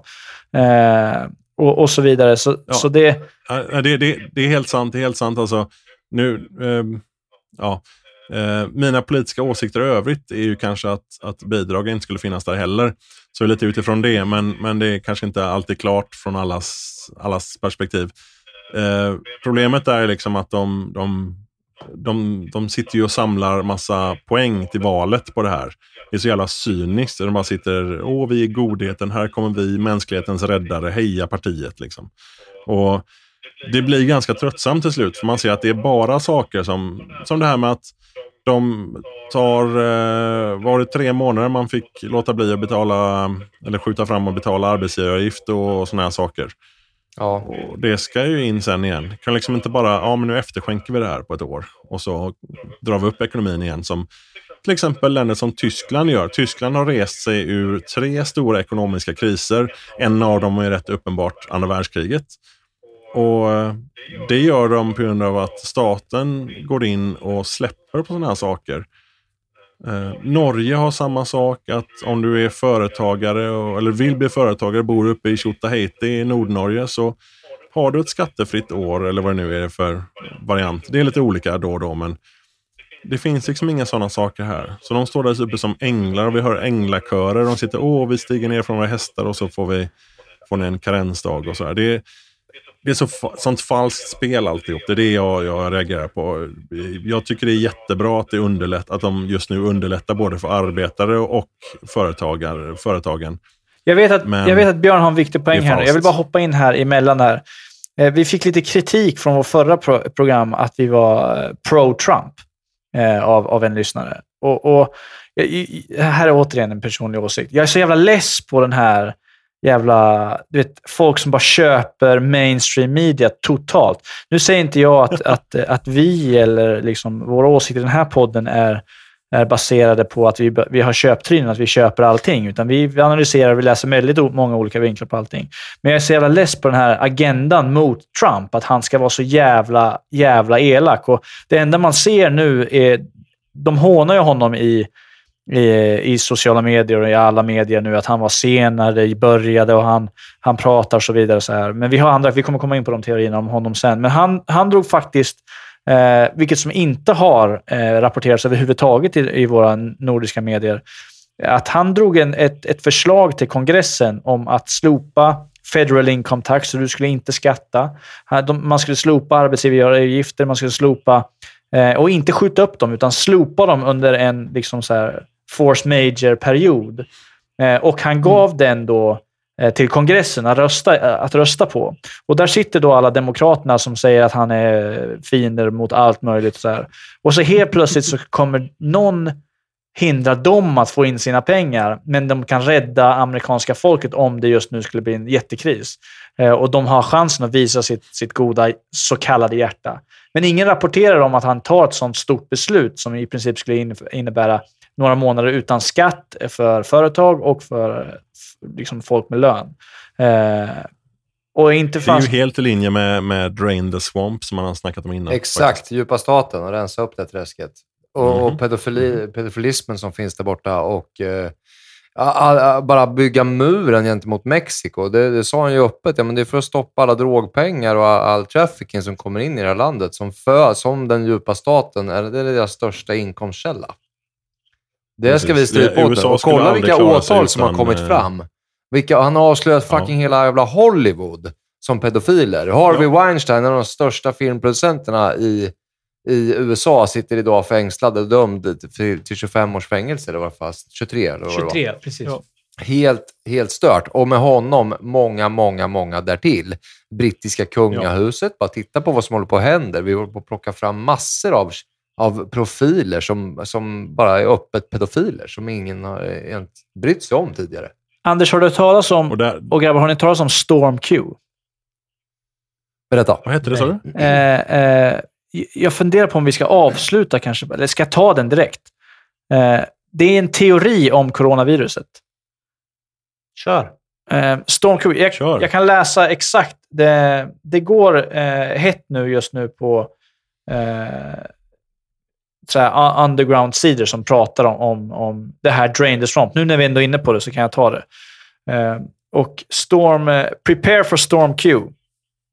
Eh, jag läser rakt upp och ner på engelska här vad, vad, vad det här innefattar.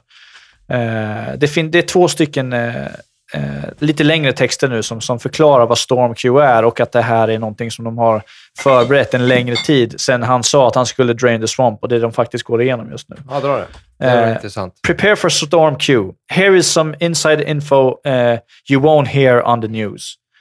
Uh, this morning at 4:30 a.m., our Prime Minister Justin Trudeau, eller the Prime Minister Justin Trudeau of Canada, was served a criminal indictment by the U.S.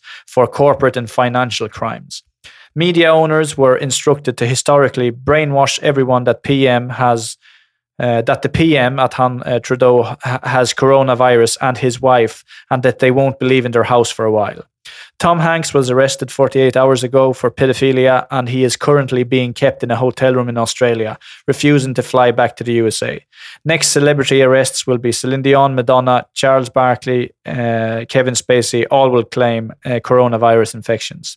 Italy's airport has been completely shut down as over 80 of Vatican and financial officials have been served uh, the same criminal indictment for financial crimes, pedophilia, child trafficking, and sex abuse.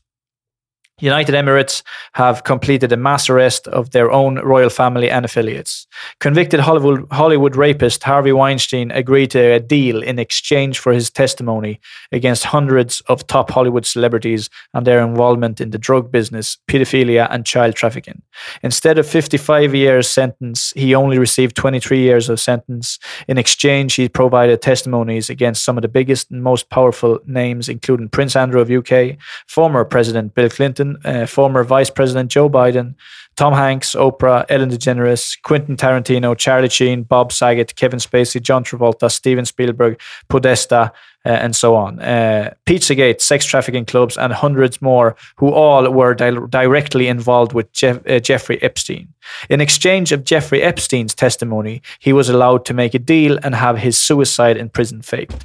CEOs of some major world corporations have been indicted, arrested, and some forced to resign, all in the last 30 to 60 days, such as the CEO of NBA, Harley Davidson, uh, Gates Foundation, Int- Intel, Ma- McDonald's, Caesar Awards, Vatican Chief of Police, Disney, etc. Approximately seven to eight hundred more resignations are coming in the next three months. The lab-created coronavirus is a cover-up for a mass mandatory vaccine vaccination agenda and is well a covert uh, U.S. intelligence operation that the world has ever seen. And this mass 158,000 arrest operation will remove and capture the biggest evil and corrupt politicians, celebrities, and CEOs, including global elites and bankers such as George Soros, UN officials, and founders of Greta Incorporate. Uh, Trump will win the 2020 election and arrest a former US president will occur in the early uh, 2021. All major arrests will be covered by media as an accident or conspiracy theory. All arrests, in, uh, all arrested individuals will be given Rommel death, meaning choice between suicide or accidental death in return for assurance that his and her reputation will remain intact or face criminal chi- uh, trial that would put uh, would result in public disgrace. Some top religious leaders will be arrested or forced to resign. Some will get sick. Uh, under quotation suddenly, and the Vatican will be the first, and the Pope will be the, removed in the 2020. Production of uh, human extracted uh, androchrome will be revealed, and Hollywood and the Vatican will be directly responsible for it. Coming up, there will be a two month complete shutdown of the world's most common operations, such as schools, stock exchange, some banks, airports, shipping, travel, events, galas, expos, sports games, sports championships, music awards, ceremonies, NBA, NHL, baseball games, ship cruises, including food storage, and staged electricity power loss. Gas prices will go down, food costs will go up, insurance will go up, gold and silver stocks will fail, and many corporations will either bankrupt uh, or take a significant financial loss, such as what's about to happen to Air Canada, Disney, and Coca Cola. The H5N1 bird flu will be interna- intentionally released this week out of China. Uh, welcome to the Great Awakening. Uh, what's about to happen this summer slash fall will change the world's history by Penny L. A. Shepard. Får, bara... Jag Ja. vet att du är klar nu. Och som grädden på moset där, så kom det ju bara några dagar senare från catholicnewsagency.com. Seven Italian priests have reported died of coronavirus. I Eh, Vatikanen. Där kan jag säga att, att det, det är förvånansvärt med tanke på hur få, relativt få case det är i världen eh, med, med liksom öppet smittade människor. Så det är förvånansvärt många högt uppsatta människor och även liksom högt uppsatta kändisar om man säger så. Ehm, och det är, alltså jag förstår ju att även om det är en av 5000 så är det fortfarande en ganska stor siffra att en, alltså till exempel då Irans um, Oompa Ja, Loompa-minister ja. som att han bara råkar bli smittad och flera stycken är. Sen att de är religiösa idioter som står och slickar på massa shrines, det är en helt annan sak. Men, men, Du har ju alltså- Boeings CEO, han är också smittad. Du har som sagt du har Tom Hanks, du har eh, coronaviruset sprider sig i hela det politiska toppskiktet. Du hade ju Spaniens, eh, vad var det nu, eh, bla bla bla minister, hans fru var ju, var ju sjuk också. Spaniens, eh, Så- se Bill Gates eh, klev ju av. premiärminister Pedro Sanchez. De, de, de är mycket ute och, och hälsar på folk och pussar på bebisar och sånt också, men inte till den graden som man faktiskt har sett med kända och höga människor. Det, det, det är ju kul att dyka ner i såna här riktiga... nu, Vi gillar inte att använda ordet konspirationsteorier, för det, man blir satt i ett fack och det är, liksom, det, det är ett ord som används för att bekämpa eh, en, krit, en källkritik. Liksom. En, en, man kritiserar var fan källan kommer ifrån. Då är man helt plötsligt en Och konspirationsteoretiker. det spelar, ju- Men det spelar egentligen ingen roll vad det är, alltså, även om det är en helt jävla outrageous grej, så ligger ju någonting bakom. Att, alltså, det är ytterst få bra konspirationsteorier, om man säger så, då, som, som eh, är helt fabricerade. Alltså de, de, är, de är för nära sanningen. Och väldigt många gånger visar det sig att mycket av det är rätt förr eller senare. Och, och det är lite skrämmande. Det är ju foliehattarna som, som står kvar när de andra faller. jag. Jag, jag, ber om ursäkt nu allihopa för att, för att de här långa Eh, inläggen, men jag tycker att de är så jäkla intressanta. Nu säger inte jag att jag tror på de här texterna till 100%, men det är som du säger Anders, det är ingen rök utan eld. Det finns delar av de här grejerna som, som, som faktiskt går att plocka. Oskar Rudin hade vi förra veckan. Han har en FB-kompis eh, i, i, i, USA och eh, hennes, eh, hennes man eh, är med i armén. Eh, och han har koll på det här, är, det här är inofficiellt nu, men han, han, eh, det är härifrån Storm Q också. Prepare for Storm Q kommer. Eh, ska jag bara läsa upp vad han har skrivit? Absolut. Uh, my husband is an army vet, and he said uh, rig for red uh, meant they had to change over to the red lights on their gun sights and equipment right before attacking the enemy, so the enemy wouldn't see them coming. This means mass arrests, and we know this is going to happen worldwide. So they needed a cover uh, to restrict travel and to get people prepared to have an interruption in supplies while financial while, while a financial reset and the arrests occur. President Trump is trying to tell Americans to be prepared uh, under the guise of a pandemic. The stock market needs to adjust down in order to do a complete reset and move us to a gold back uh, currency and get rid of the Federal Reserve. The stock market has been uh, falsely inflated for a while. The CV is the perfect crisis, the coronavirus, to make a lot of it work. Travel will likely shut down for a brief period, and maybe all schools and universities will be shut down, so kids are home safe with their parents when the arrests occur. We could even have a period of martial law to suppress opportunities for looting and riots. Keeping people away from the large crowd minimizes false flags, mass shootings, and other catastrophic events. Uh, you can't have a school shooting if there aren't any kids in school. Now, having the coronavirus crisis allows POTUS to shut down our borders so Homeland Security and our military can focus on keeping peace. Also, POTUS said everything with the coronavirus will be over in April. He said it's because he knows it is a fa- is fake and they plan to take action in March and by April the American public will be informed of what has occurred and why. India has had a full on celebration when POTUS visited. It is because he has struck a deal with India to start producing many of the things we are having China produce cheaply, and it will help India a lot. I think China, uh, China's leaders, is on it with Trump. Possibly when Trump visited China, he took him to the Forbidden City, and this has never been done with another world leader, likely to have a, a complete privacy to plan. China has a deep state too that is teamed up with our CIA and deep states bad actors, the Clintons, Bidens, Romney, Feinsteins eh, and others. Det, jävligt, det, det, blir mycket. Jag ska fortsätta försöka snabbt eh, skumma igenom. Doug Collins, Matt Gates, Ted Cruz, Mike Pence, Mike uh, Pompeo and Mark Meadows were all su supposedly exposed to the coronavirus. Uh, what better way to explain their upcoming absence in DC than quarantine at their homes? Uh, already told us when the mass arrests happened, POTUS will be safely out of the country. Uh, a, uh, Air Force One can fly continuously if needed because it can be refueled in the air. President Trump is taking his present and future cabinet members with him uh, in Air Force One to, to, keep them out of harm's way, and it won't alert anyone that he is taking them all with. He's already announced Mark Meadows will be his new chief of staff. The quarantine centers uh, have all been set up in the areas where the concentrations of sealed indictment are the highest. This explains why there is barbed wire slanted inward at one uh, I saw in a video. There will be detention centers for many criminals and traders. The, they may be set up as prisons uh, with the sheer number of them. Gitmo has had a multi million dollar upgrade that is completed. A new head judge has been sent to Gitmo. Uh, there were a large amount of troops sent to Gitmo uh, for two years' assignment last summer. There were uh, billions spent just upgrading the justice building and law offices of Gitmo and another military base in the US. Jag läser, jag skit, det är jävligt mycket här. Det handlar sjukt mycket om hur Obama och många judges kommer, kommer, eh, eh kommer bli indicted och så vidare. Det är det här verkligen draining the whole swamp. Eh, Uh, jag hoppar vidare jävligt långt ner. Uh, the internet or at least all social media will likely go dark, so don't panic if it happens. It won't be forever.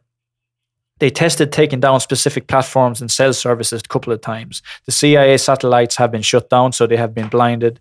If uh, I find it interesting also that Gina Haspel was uh, at the last SOTU address, uh, smiling ear to ear. CIA, CIA directors rarely, if ever, attend SOTU addresses. The Queen of England was locked out of Windsor Castle briefly on Friday for the first time ever. It was a marker to tell those following uh, Storm Q that it's time. A Q post from September 2008 uh, reads uh, Castle Lock Q. Uh, then the one directly after it read Panic in the UK, Panic in the DC, Panic in the UK, Panic in the DC. Patriots are now... Yeah. Ja, det, det är massa sånt här med... He- Hela grejen går ju egentligen bara ut på att this is draining the swamp.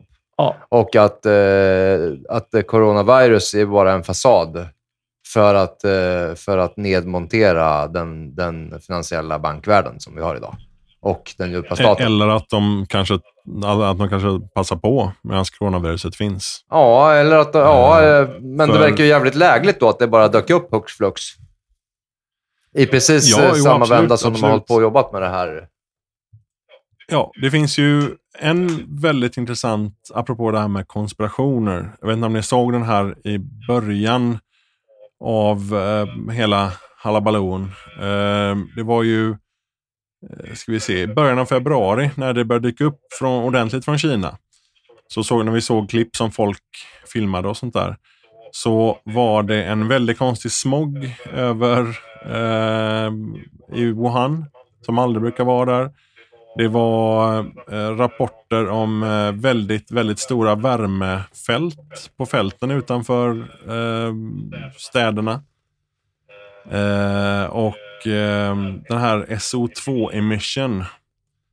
Eh, det, det är jättekonstigt och det, det är lite väl magstarkt tycker jag. Men det ser ut som om de har kört iväg en väldig massa kroppar och bränt dem ute på fält.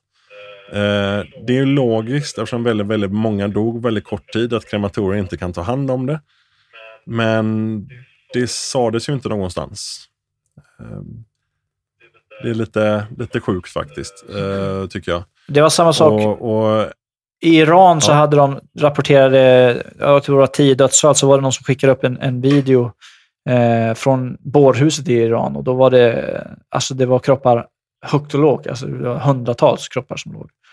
Eh, ja, precis. Jag har sett flera av dem. Jag har en kollega från Iran och han, han visar en hel del som, som folk visar. Bland annat de här helt friska barnen som ligger och inte kan andas och sådär. Jag har en... Det är lite, lite skrämmande. Men, men man, alltså, man tänker om... Hela den här biten är ju beskriven ganska bra i de fiktiva böckerna av eh, William R. Forstchen. Som ni kanske känner till. Eh, Sjukt bra. One second after. ehm, one second after, one year after och The final day. Eh, som är otroligt starka böcker. Alltså jag, jag låg ju bara och lipade när jag läste dem. Ehm, det handlar ju i stort sett om en, en EMP över hela, eller större delen av USA. Och eh, hur det utvecklar sig efter det. Och ehm, vad han kommer fram till är inte roligt. Och det påminner ganska mycket om det som du läste om nu. Alltså, de böckerna är magiska, Anders. De är hur bra som helst. Ja, ja. Jag har en, eh, jag har en polare som har eh, en vän i Kina som är läkare. Och det, han har de inte fått tag på på över en månad. Men nu fick de tag på honom. Och han säger att han har blivit beordrad bara, de har bara sett in honom och bara jobba med, med att lösa ett eh, motmedel. Ett, eh, ett vaccin Ja. helt enkelt. Och han sa det är helt kaos här. Folk, det är bara familjer är helt utraderade. Folk är bara borta, sa han. Är de döda eller bara borta? Borta, sa han. Men eh, har ni inte sett eh, Ja. på SVT har de ju någon eh, dokumentär om, från Kina där eh, myndigheten slänger in folk som är smittade eller troligtvis smittade in i plockbussar som de bara och, och försvinner någonstans. Man vet inte vart de Typ tar vägen. koncentrationsläger. Liksom. Typ koncentrationsläger eller liksom dödstält eller alltså alla. Är du inte smittad så kommer du garanterat bli smittad och sjuk och kanske trilla av pinn. De, de, I filmen också, de, de svetsar igen dörrar till, till lägenheterna så att folk inte ska kunna komma ut och beblandas. Eh, Och häng, hänger på kedjor också. ja, hänger på kedjor och allt möjligt. Alltså det är en lite annorlunda verklighet de har där borta än vad vi har det här. Jag, Helt galet. jag läste något sjukt nu, i, i, om det var i helgen eller i slutet av, av förra... Ja, skitsamma. Eh, men, men Danmark här gick ut och eh, har på lagförslag nu att, eh, att de ska få tvångsvaccinera eh, människor som har corona i deras hem. Så de har alltså håller på att rösta igenom ett lagförslag att de får gå in precis hos vem, vilken medborgare som helst och tvångsvaccinera dem. Om de... Det var ju... Om de misstänker Exakt. coronasmitta. Med vad? Ja, och vad innehåller det vaccinet? Jag är inte någon jävla Nej. antivaxxer, men... eh, Jag har ingen aning vad det är. De, Eh, det- jag visste inte ens att det fanns det, ett det är vaccin. väldigt men- sällan som, eh, så, det är väldigt sällan som staten bryr sig om på individnivå hur bra alla mår. Nej, men vi, vi, Exakt. Det, det är också en grej. Vi, vi, vi vill poängtera att vi är inte anti-vaccin här eh, i den här podden heller, utan eh, det gäller bara att man ska vara smart med vad man stoppar i sig. Det, det har vi ju konstaterat i många Jag är mer antifascist. Jag tycker Eh. att det verkar eh, Men stämmer bra det? Att de, kränkande. De, de har lagt det på lagförslag alltså. Och, och sist vi, vi har... Om man tittar på hur det brukar fungera med lagförslag så gör de ju i princip vad de vill. Fick vi rösta om FRA-lagen i Sverige? Nej. Det var någonting som man bara införde med, med, med Och, bevakning. eh, Liksom. De, pa, de passar gärna på när det händer sånt här Exakt. också. Ja, ja, Exakt. det är ju hela Och bensin på särskilt när elden. det är, så få människor Där har vi ju i, eh, 9-11 och Patriot Act. Där, där röstade ju Bush-regeringen igenom precis samma sak. Att de, att de fick Ja. vid minsta misstanke om terrorister eh, göra precis vad de ville egentligen och avlyssna vem de ville och samla information om vilken individ de, Mm. önskade. Mm. Det är ju precis samma sak. Så det, är- det, det handlar ju bara om, om um, Eh, sleight of hand egentligen. Att, att det handlar ju bara man ser inte vad andra handen gör samtidigt. Och det är därför det är väldigt viktigt att, att det finns fri media och att människor granskar vad som händer bakom ryggen. Det är alltså flera av de här sakerna som nu kommer till skott med, med som staten gör. Det kommer ju få, precis som FRA-lagen, helt plötsligt så kommer det drabba vem som helst. Hur, skulle, hur gör du, Anders, när du söker din information? Jag antar att du, du är utanför eh, svensk media också och, och samlar egen info. Har du några tips till våra lyssnare, eller hur, hur gör du? Ja, alltså jag, jag läser väldigt mycket svensk media just för att veta vad som påstås. Vad de ljuger om? Eh, Jättemycket, ja, ja precis, jättemycket ljuger de inte om för att de, det behövs inte.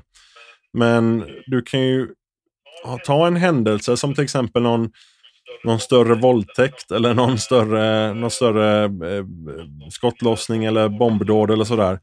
Och så jämför du vad de olika media eh, outletsen skriver om det. Hur de väljer och Inte prata om det. det är väldigt ofta... Vad sa du? Inte prata om det. Nej, precis. Att bara, bara hålla, hålla koll på allting. Men sen så finns ju väldigt mycket utländsk media som har visat intresse för Sverige. Dels med eh, migrationsdebaclet här och dels nu med coronadebaclet av samma människor. Eh, och Anledningen till att jag drar upp migration lite då och då, det är för att det här är samma människor som sa att vi skulle tjäna pengar på, på de som kom 2015. Eh, och det händer ju inte. eh, tyvärr. Och det här är samma människor som har sagt om och om igen att det här kommer bli jättebra och så blir det bara bajs av alltihop. Och till slut så simmar alla i bajs och då, då är folk trötta. Och svenskans reaktion är att gå och rösta på SD istället som liksom bara, bara snott sossarnas politik rätt av från 70-talet när folk var trötta på fabriksarbetare från utlandet. Så det är liksom det blir tyvärr lite, lite knasigt. Så det jag gör är att jag, jag läser, men lika försiktigt där, utländsk media. Eh, gärna inte kvällstidningar utomlands. Men Vilken typ av, vilken typ av exempel- utländsk media? ja, gärna, gärna människor som är liksom brinner lite för det. Tim Pool tycker jag är jätteintressant. Eh, han och jag har inte alls samma åsikter oftast. Eh, men han skriver, det han skriver och filmar är väldigt, väldigt bra. Um, av svensk media som jag läser och faktiskt gillar är Nyheter Idag. Det är, den är ju en, en libertariansk nättidning kan vi kalla den. Och där vet ju jag att de går inte ut med icke-verifierade saker. Det är på sin höjd ett citat från någon i så fall. Men jag tycker det är väldigt viktigt och eh, det är faktiskt första tidningen som jag har stött med pengar. Stöttat med pengar. Eh, och mer och mer ser jag att, att den fria median i Sverige blir mindre och mindre liksom avpixlat av det, eller eh, vad heter det, Samhallsnytt som de kallar sig nu. Eh, och mer och mer faktiskt väldigt, väldigt seriös och undersökande journalistik. Och det tycker jag är väldigt roligt. Vad hette de som du hade sponsrat, sa du, med pengar? Eh, Nyheter idag. Nyheter idag. .se. Ja. Ägs ju av eh, ett företag som ägs bland annat av eh, partiordföranden i eh, Medborgerlig Samling. Och det är ju Chang Frick som en gång i tiden var med i SD. Så därför är det här SD-media, kallar alla det. Ehm, och den som känner Chang Frick minsta lilla vet att han är helt galen åt alla håll. och Skit. Alltså han, han hänger liksom med, med eh, vänsteranarkister och, och högerslipsar lika. Liksom. Så, eh, jag, tycker, det- jag tycker det är seriöst när det, när det finns, finns liksom nya saker som inte har 50-60 miljoner för staten för att ja, skriva 280 artiklar om Trump men 30 om Stefan Löfven som DN då. Nu kommer jag inte ihåg om det var exakt siffror men det var, det var absurda siffror var det. Ehm, jag tycker det är viktigt att se sig om överallt och, och bilda sin egen uppfattning om, om hur det antagligen står till. För ser du fem vänstermedia skriva om en sak så har du garanterat en någorlunda eh, bred bild ändå om vad som hände ur deras synvinkel. Så man ska inte, man ska inte förakta skitmedia. man ska inte förakta SVT och DN och, och till och med skvallerblaskorna. Det är lite grann som i Men in Black när man ska titta i skvallerblaskorna efter det bästa. Det, Tror du att, tror du att mer svensk media fått direktiv? Absolut. Det, det är ju faktiskt bevisat att eh, flera gånger att de har fått direktiv. Eh, eh, kanske inte media direkt, men eh, mediaföreträdare eh, och även det de har som grund till som det här skiten med, med eh, Brå, liksom statistiken därifrån. När vi liksom ända sedan 2010 har sett då, då att det kommer så att alla kommer och, och bestämmer oss. Det får du inte skriva, det här får du inte skriva, det här ser dåligt ut. Och det i sin tur påverkar ju media. För om du tar en, en, en väldigt, väldigt omgjord statistik och så ger den till en vänsterjournalist som du vet kommer plocka upp på den och den och den punkten och blåser upp det, då vet man att det blir en extremt annan händelse än vad det var. Givetvis gäller det också högerextrema journalister, alla typ tre som finns i Sverige. Uh, och ehm, det är liksom precis som NMR, det är ett gäng, alltså 300 personer med klistermärken och slips. Det är, det, det är inte så farligt, inte så stort hot mot yttrandefrihet och sånt där. Jag menar, det vi alla vet att om det kommer en NMR-medlem och tycker att vi ska inte få yttra oss så är det bara att ge honom på käften för att han är en liten fjant. Det. Ja, Du, så är det. du Anders, hur ser du ut på demokrati egentligen? Eh, jag gillar demokrati i formen av att det heter folkstyre. Så länge folket får styra och det är faktiskt demokrati, inte en demokratur. Eh, eller det faktum att en avsatt statsminister som representerar en, inte ens en tredjedel av väljarna får komma upp igen och fortsätta med sitt vanstyre. Det är inte demokrati. Det är inte... Nej, jag gillar demokrati men, men det vi har idag är ett skämt. Ser, ser du, du ser inte demokrati som någon form av självförstörande i längden? Absolut. Det, är ju, alltså det enda som demokrati kan göra är ju att, att introducera grövre och grövre socialism. Mm. Det är, direktdemokrati är ju en helt annan sak. Där, där, där folk får antingen rösta i det de vill eller låta bli. Och där ta konsekvenserna. Mm. Sen förstår jag faktiskt inte riktigt, vi är vuxna människor, varför ska vi hålla på och utse härskare hela tiden?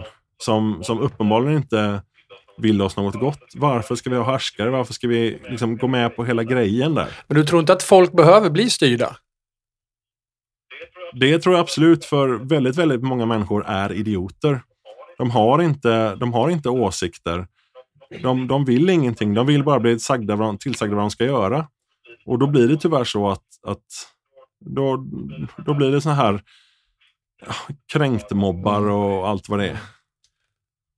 Jag, jag, jag, jag öppnade ju konspirationståget här borta. Eh, jag har några två otroligt tunga eh, grejer till här. Eh, när vi ändå är igång. Får, får, jag, får, jag, får jag säga en, in, innan du säger en, så har jag en liten kort intressant konspirationsteori. Ja, kör. Ehm, vi vet ju att, att Socialdemokraterna i alla år har eh, dels hållit de gamla om ryggen, fram tills relativt nyligen, för att det är en, det är en stor grupp väljare. Och dels har de importerat röstboskap. Eh, se på, se på eh, Chile, Vietnam. De tar in folk från länder som har relativt vänsteraktig eh, regering, men kanske inte riktigt så bra. Så kommer in så att socialdemokrati är jättebra och så blir, får de fler väljare. Nu, alltså det har ju varit ett krig om väljarna från, från alla, alla olika migranter som har kommit de senaste åren. Eh, men samtidigt så har ju sossarna och, och staten i sig har ju problem med att med att det är alldeles för många gamla människor, det så kallade köttberget, 40 och 50-talisterna, som de har ja, supit bort pengarna för, för deras eh, pensioner. Samtidigt finns väldigt få eh, vårdplatser som jag sa innan. Det finns ganska många sjuka människor som hålls vid liv med massa mediciner. Um, och om de då kunde se till att genom att ändra lagarna få in ännu fler eh, som gladeligen får bidrag och därför röstar på de som ger dem bidrag. Och dessutom bli av med köttberget som kanske börjar bli lite trötta på sossarna och inte röstar på den längre och kostar massa pengar. Man kan bli av med alla de sjuka och gamla på vårdhem och så vidare och på ålderdomshem. Eh, det tycker jag var en väldigt intressant eh, konspirationsteori om, om läget i Sverige. Och det skulle ju koppla sossarna och deras eh, gammel... Alltså de är ett gammalt parti, de har ju ganska djupa förgreningar. Det skulle ju koppla dem till hela den här grejen som, som du läste om innan.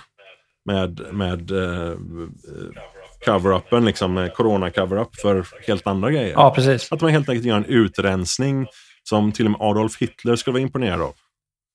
Alltså det, det, är en vild teori. Vi, vi, vi får ibland lite påbackning att vi inte så säger emot och att vi, vi inte har, ser det från andra sidan. Så det, det, det är en vild teori, Anders. Eh, men Ja. den är ju inte helt omöjlig heller. Ingenting är Om- väl om- egentligen om den- omöjligt. Det finns om- ju, man kan gå Nej, åt om många den håll som helst. Ja, precis. Det, det, Ja, det var bara mitt lilla inlägg. Ja, jag- det var, jag tyckte den, den var ganska rolig. jag, tycker att, jag tycker att vi kan bestämma att det här avsnittet blir lite att vi slänger lite teorier. Vi behöver inte tycka bu eller bä, men vi kan luf- lufta dem till ytan så får lyssnarna själva eh, eh, Fundera. ta ställning. Vi, vi eh, pratade om i vårt förra avsnitt, coronaavsnittet, om att Bill Gates, eh, vad han hade för, liksom, har han någonting med den här coronaviruset att göra? Jag vill bara läsa upp eh, det här pappret eh, som är från Result of Search in the US Patent Collection, DB for A.N. Purbright.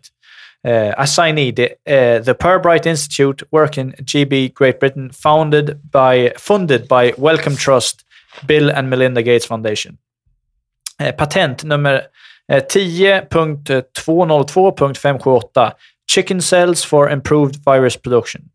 Eh, patent 9.969.777 eh, Mutant spike protein extending the tissue uh, of infection bronchitis.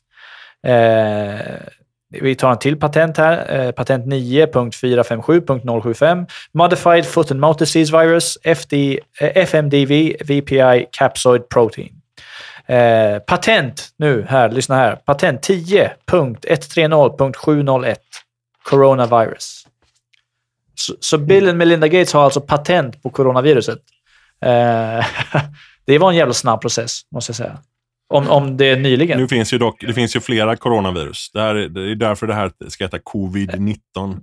För att alltså, sars är också ett coronavirus. Det är väldigt, väldigt konstigt att det här kallades för coronaviruset från början. ja, corona, Jag har ju sett flera.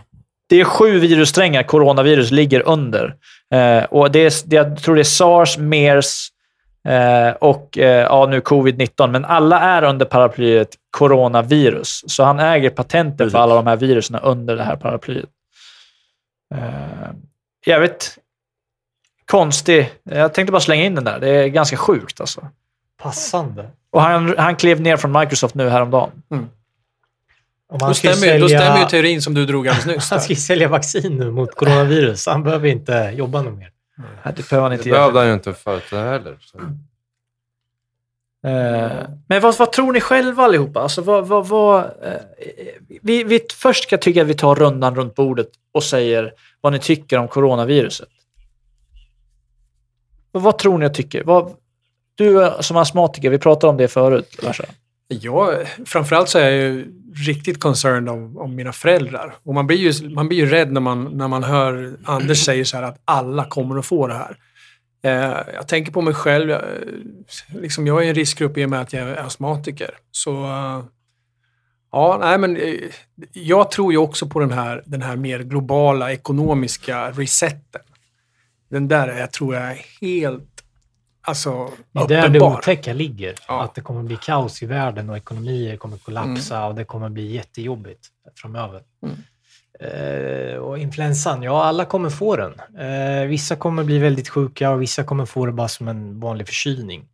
Eh, men det är väl framförallt våra äldre som, som kommer bli drabbade. Så att, och om alla blir sjuka samtidigt, ja då kollapsar ju vården eller vårdplatserna räcker inte till och det är väl där problematiken ligger. Och det blir inte bättre av att folk stänger ner länder och ingenting kommer fungera. Det kommer bli jättekonstigt här eh, när folk blir sparkade och ekonomierna... Ja, det, det kommer inte bli bra. Alltså. Det, vad, vad tror ni? Alltså, ja, jag är också inne på det finansiella spåret. Jag, jag tror att det handlar om någonting helt eh, bakomliggande. Och jag tror att viruset är en eh, form av distraction, eller vad vi ska kalla det. Även om det nu är så att den är... Eh, jag vet inte, det är så många parametrar som sticker in i det här, som till exempel den här Bill Gates... eh, Så det är the new world order som är Det är en red flag helt enkelt. och håller på. Ja, men, men någonstans, här, någonstans här för, för, har jag ändå eh, i mitt, mitt liv, om jag blickar tillbaka, så har jag tänkt ganska länge att någonting sånt här eh, borde hända snart.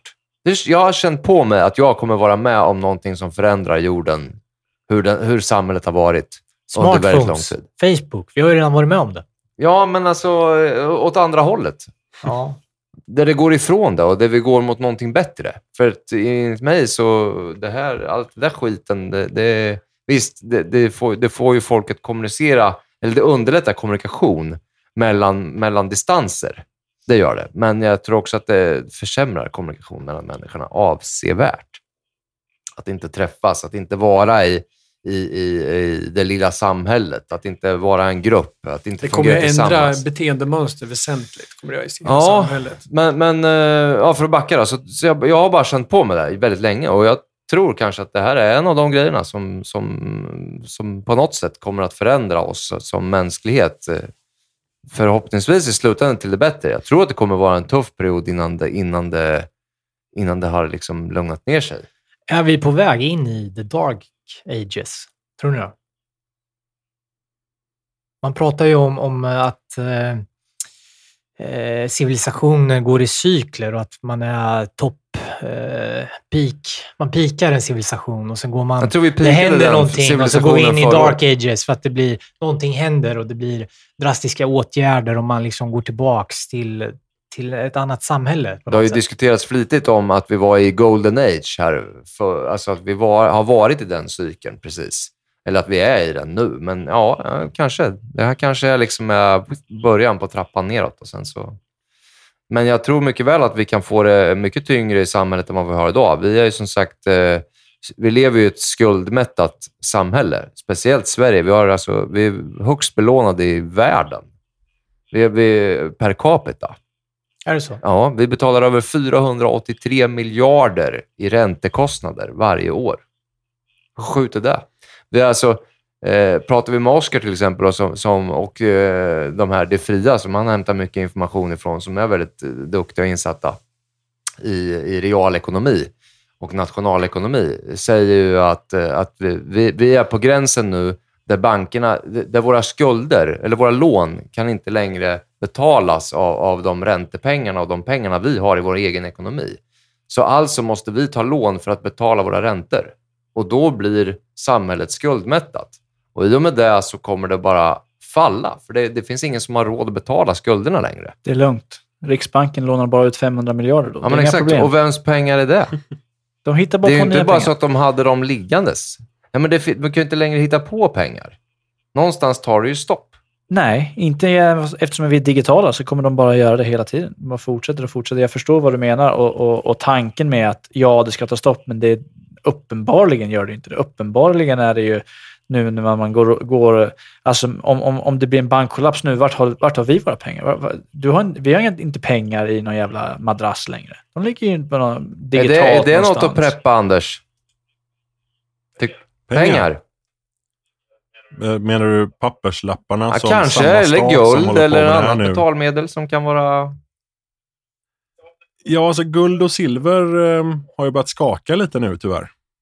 Det är lite lustigt. Men, är det dags eh, att köpa nej, då, jag tror om det fortfarande skakar? på Jag tror fortfarande på guld och silver. Eh, Men framförallt så, det ni snackar om är att ett, ett nytt samhälle och så vidare, så jag tror mycket mer på eh, delningsekonomi. Inte liksom hålla på och hyra ut hipstercyklar och, och köra liksom låtsastaxi och sådär. Men jag tror på en delningsekonomi i form av, av, av bartering, alltså vad heter det på svenska?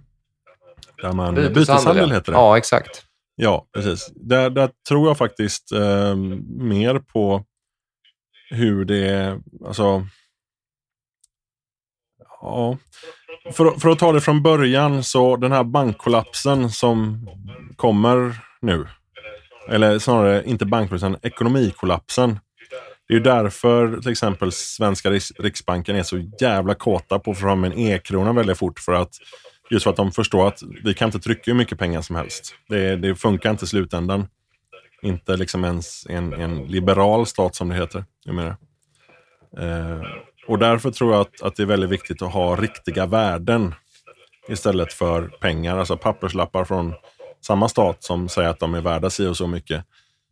Jag tror att det kommer bli mer byteshandel framöver. Så egentligen att investera Det i, alltid- i, i eh, ja, ägodelar, sånt som är bra att ha. Till exempel prepperprylar eller en kamin eller... Ja, alltså, jag, jag har ju pratat med en kille som eh, kom hit från Balkankriget. Och han berättade liksom att för en kartong ägg så fick han en, en Kalashnikov och så mycket ammunition han kunde bära. Så jag tror att det är, det är väldigt viktigt att ha sådana saker som efterfrågas. Kalashnikov. Jag har pratat med... En? Kalashnikov. Ja, precis. Ammo. Nej, eh, nej snarare, snarare Ja, ägg. jag skojar. Höns snarare Eh, kanske. Så eh, jag har pratat med även med en väldigt omdiskuterade Mikael Skilt som eh, har varit nere för det här Azov, eh, Azov-regementet i Ukraina. Eh, han var ju, han är ju känd som gammal nazist i Sverige och bla bla bla. Eh, honom har jag pratat med och han, han beskriver att i Ukraina är det samma sak. Att det är eh, damhygienartiklar, eh, bindor alltså sådär och sånt. Eh, det är toapapper. haha. Det är eh, blöjor, det är tandkräm, det är färskvaror som kött, mjölk, ägg. Det är sådana saker som är värda mycket när låtsaspengar försvinner. Och andra valutor. Eh, på, det var D-mark väldigt mycket i, eh, på Balkan. Och det är väldigt mycket dollar i Ukraina. Och även en del euro förstås. Ehm, men jag tror att Är du orolig för man corona? ska inte lägga... Ehm, eh, hur menar Nej, du men det var frågan. Jag ställde frågan om vad vi såg. Vad, vad tycker vi om corona? Liksom? Vad, är vi oroliga för? Är, är ni... Ja, nej, jag, jag, jag, svarade, jag svarade på något helt annat. Ja. men okej. Ehm, nej, jag är inte orolig för corona. Jag är orolig för allt annat som händer runt omkring det. Alltså, jag, jag, Precis, jag, jag ska se... precis som när man preppar så, så är det effekterna av det som händer. Kommer ryssarna invadera Sverige så blir vi utan ström, vatten, mat, försörjning och så vidare. Kommer stormen Gudrun 2.0 så blir vi utan ström, mat, vatten, försörjning och så vidare. Kommer corona och fuckar upp allting så blir vi utan, kanske inte ström och vatten, men tänk då de här fem stycken som jobbar på kommunens vattenverk när de blir sjuka. Det tar ju tre, fyra dagar och så är det bajs i vattnet. Liksom. Så det är effekterna man måste preppa för. Man måste vara orolig för effekterna och se till att och liksom staga upp någonting Hur, hur tror du att de här kommande veckorna kommer att se ut? Har, har du någon tanke kring det? Eh, Det kommer bli fler och fler som får stanna hemma för att de eller närstående är sjuka. Eh, det kommer eh, tvingas till det som har hänt i alla andra länder. Olika former av undantagstillstånd, utegångsförbud, eh, ransonering av saker. Det är... Och som, som man sa innan, vi kommer nog allihop få det. Det är ytterst få som inte kommer få coronavirus. Så väldigt många kommer vara småsjuka. Och ja, det är, vi kan titta på Italien. Vi kan titta på Spanien, vi kan titta på Österrike. Länder som är någorlunda lika oss socialt och, och, och sådär. Och ehm, de har mycket bättre beredskap än vi har. Och titta sen hur det gått för dem. Ja, jag, ursäkta, jag, ska jag, jag har en eh, väninna som har en son i, i London. Och han hade pratat med henne häromdagen och han sa London har blivit helt, de har gått bananas. Det är bara cash som gäller. Ingenting annat. Ja.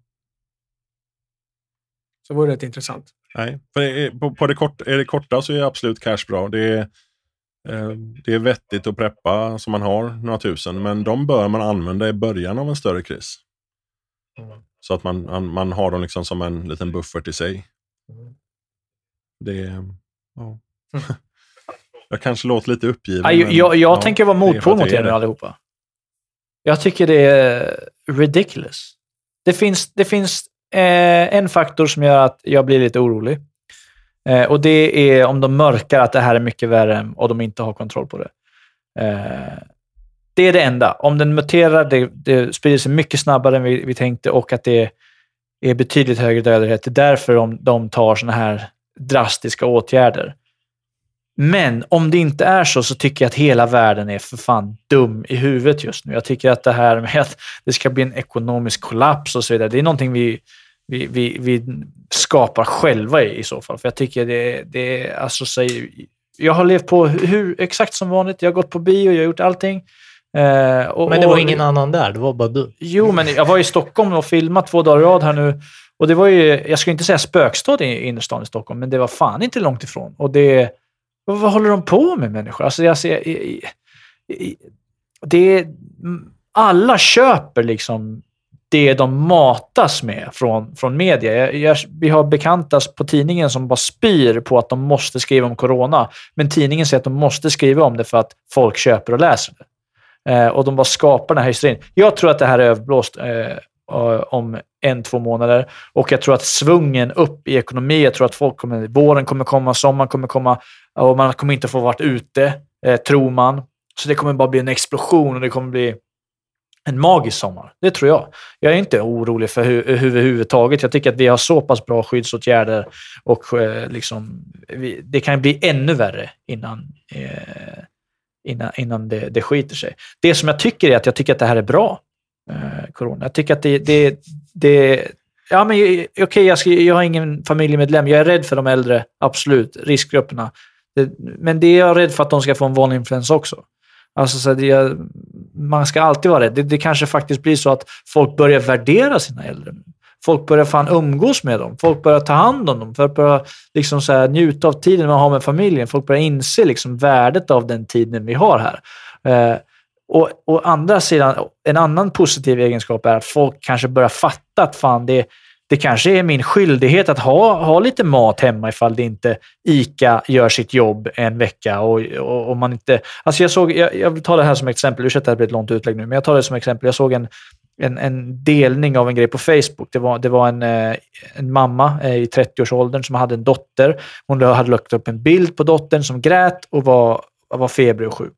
Och hon eh, svor och bara liksom hatade på alla människor som hade köpt Ipren och köpt Alvedon och så vidare i hennes närbutik och inte tänkte på alla andra.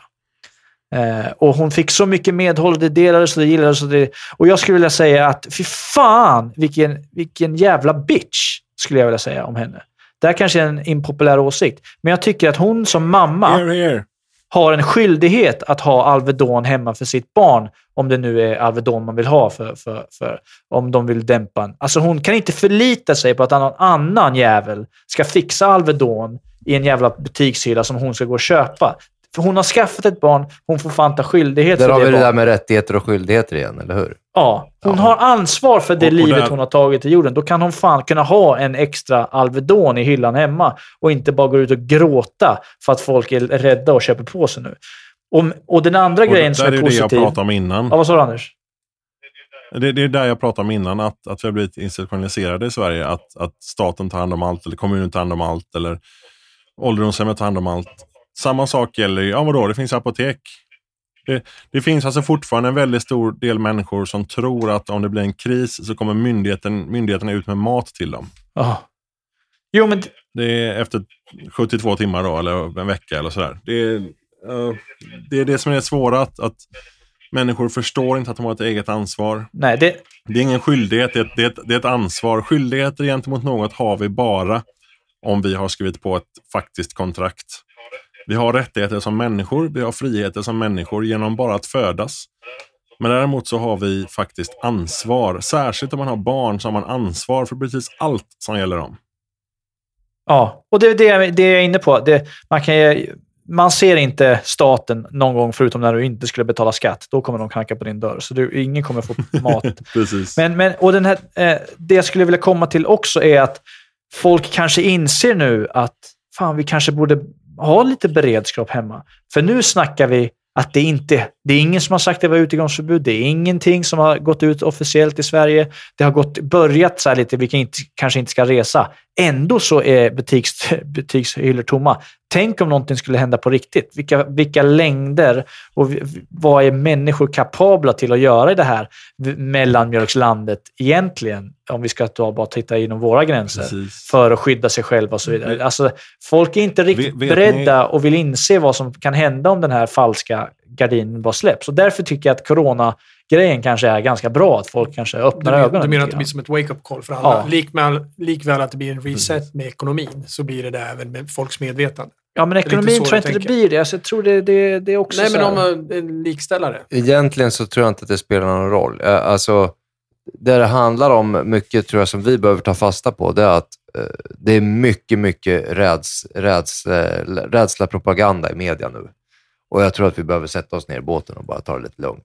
För det, Ve- Vet ni, vet ni varför folk köper toapapper? För det är det första som tar slut.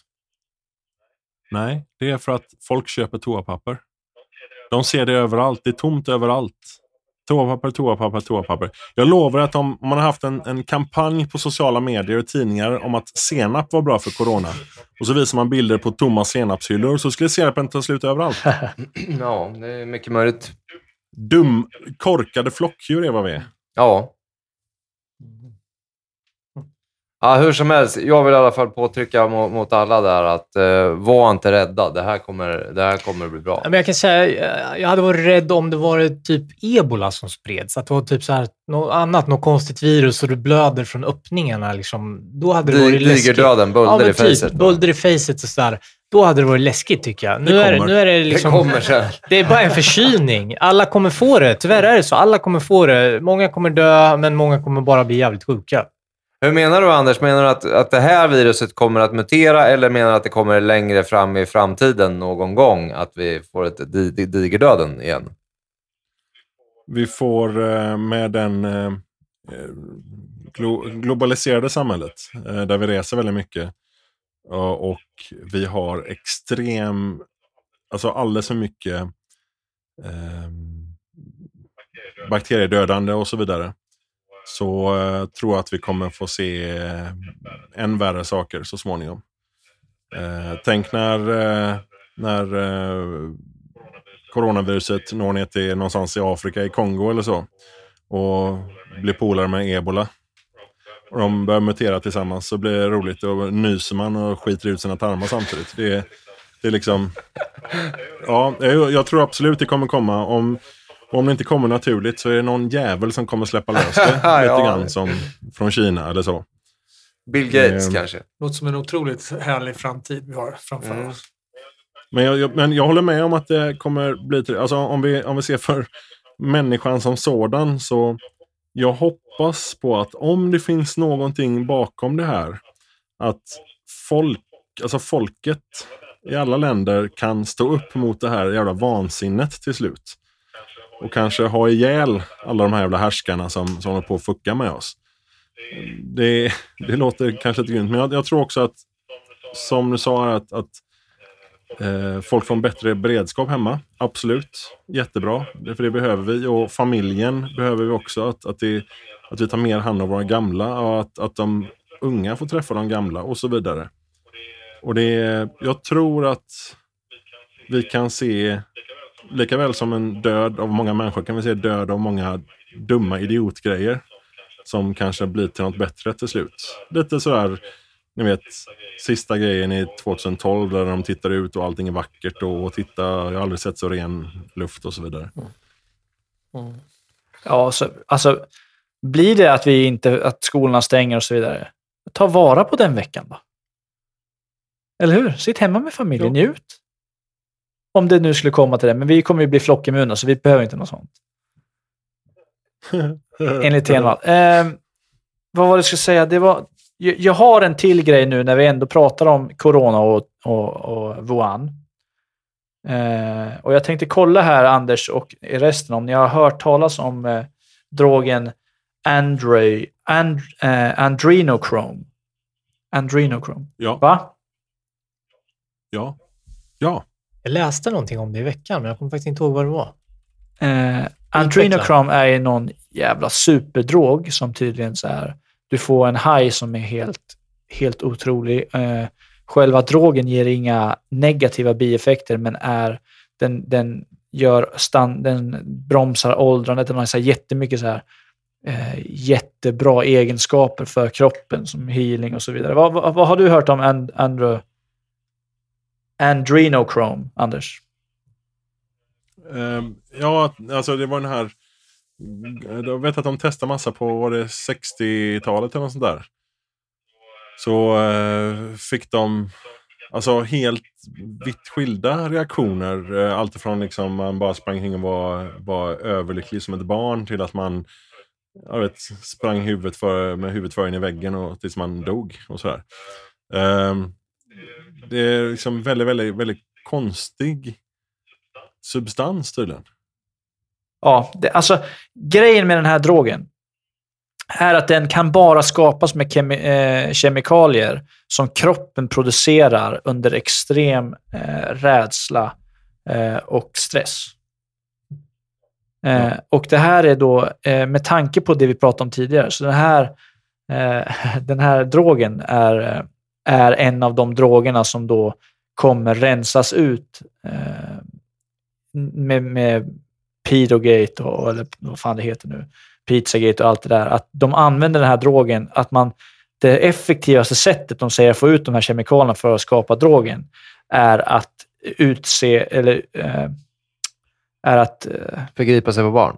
ja, det, det är att få barn att och Känna, extrem rädsla. extrem rädsla och stress. Eh, och sen så harvest, så, så, vad säger man? Vad heter det? Alltså, abstrahera. ja, eh, skördar man det, det är liksom de kemikalierna från deras... Som extraheras ut ur, Det står ju ur så här. rädsla. Adrenokrom är ett pigment som uppstår vid oxidering av adrenalin. Alltså när, det utsätt, när adrenalinet kommer i kontakt med syre. Då, Ja. eller hur? Och, och, och det, det som då ligger bakom det här är att det, det, det här är ett jättekänt, eh, eller jättekänt, men, men om, om man är lite så här inne på och följer den här eh, StormQ och alla de här i, bakom, i bakgrunden så, så kan man läsa om eh, adrenochrome, att eh, det finns såna här farms eh, som, som whistleblowers har gått ut och berättat om där de har liksom eh, 15 år och neråt, eh, bara barn liksom fängslade och eh, eh, och bara utsatta för bara, och bara, Ja, psykisk och- stress, Ja, så att de och bara ska skördar liksom, Framkalla det det här för att få ut det här. För att tydligen så är det jättebra för hälsan och vitalitet och, du vet, och det är det här som gör att de håller sig unga och friska. Eh, alltså det låter som en sån här djävulsk potion, men, men adrenochrome. Så, så det jag ville ta upp med det här eh, med adrenochrome är att det adrenochrome eh, compound eh, och vart man kan köpa vissa av kemikalierna till det här då eh, och vart det, vart det skapas är i 3B Scientific Wuhan Corp. Eh, Så adrenochrome skapas alltså eh, av labbet 3B Scientific i Wuhan Corp. Råkar det vara samma labb som Bill Gates är delägare i också? Eller? Ingen aning. Jag ville bara slänga in den. Men, men kan de bara ut, alltså få det här ifrån barn eller från, även från vuxna också? Jag, jag vet inte, jag är för dåligt påläst om det här, men, men jag, jag ville bara ta upp den eh, eftersom det tillverkas i eh, Wuhan. i Wuhan. Och hur ska man få det om det bara tillverkas ifrån från rädsla då? då? Det måste ju komma då från... Ja, men de måste kunna hitta en kemisk compound kanske av det. Eh, Det står En kemisk sammansättning. Ja, pigment obtained by the oxidation of epinephrine. Det står, Efedrin är det, det står så här. Eh, rumors about facilities like this, alltså sådana här eh, läger då, där de, de, de skördar sånt här, have been around for decades. Journalists have tried to report on it only to be laughed out eh, by their editor's office. One journalist, a Swede, alltså en svensk, came the closest to bringing it into the mainstream media. But he died along with his family in a hideous house fire. Lägligt. Undrar vilken svensk journalist det är. Det kanske man skulle gräva i. Men det här är, alltså, det här är någonting vi, vi skulle bli lite mer pålästa på. Eh, för det är också en grej som bara trillar ur den här hela Wuhan-soppan. Liksom. En till grej som är bra med corona är kanske de här eh, jävla kinesmarknaderna kan sluta med. Där de har en död jävla pyton och någon jävla råtta och så här, säljer eh, kanderad hundvalp. Liksom. Vad fan. Men Alltså de så här- äter ju allt rått. Det är inte konstigt att de blir sjuka. Liksom. Jag har sett sjuka videos på Facebook kan jag säga. Om Ja. vad de Har, äter. har, ni tänkt, har ni tänkt på det här, om vi, ska, om vi ska vräka på riktigt ordentligt här. Ni kommer ihåg att jag drog upp den här kopplingen med eh, blåblodiga och att eh, Reptilians. Ehm, alltså, ja, ja, precis. Det här med, med att, att eh, var det eh, Ramses, nej men vilken farao var det som numera hans närmaste släktingar är brittiska kungahuset? Ja, och det där? var det, väl, det är väl Tutankhamon, An Aneknaton och... Ja, Tutankhamon. Ja, ja precis. precis. Ehm, och hela den här eh, pedofilhärvan, liksom, den stora globala. Ehm, det är inte så att ehm, det är någon som harvestar massa barn. Mm. Alltså det låter ju helt sjukt när, när ni säger och pratar om det här, men... Ja. Ja, ja men alltså om, om, man tar, om man tar och bygger ihop de tre, om vi får kalla dem konspirationsteorier, eh, så, så är det liksom att om jag var en jävla reptilmänniska så skulle jag vilja ha bra droger. Och har man då ett helt, liksom sju miljarder människor att skörda så finns mycket barn. varför inte? Ja, mycket barn finns det. Och det finns ju ett intresse av att, av att väldigt många länder fortsätter att producera alldeles för många barn. Ja. Medan de inte gör det i Kina. Vi, vi, var, vi sa ju det alldeles nyss, här, vi var ju i, eh, i Stockholm och lyssnade på David Icke. Han pratar ju också mycket om de här reptiliska eh, blodsbanden som, eh, som lever utav rädsla. Han pratade om det då.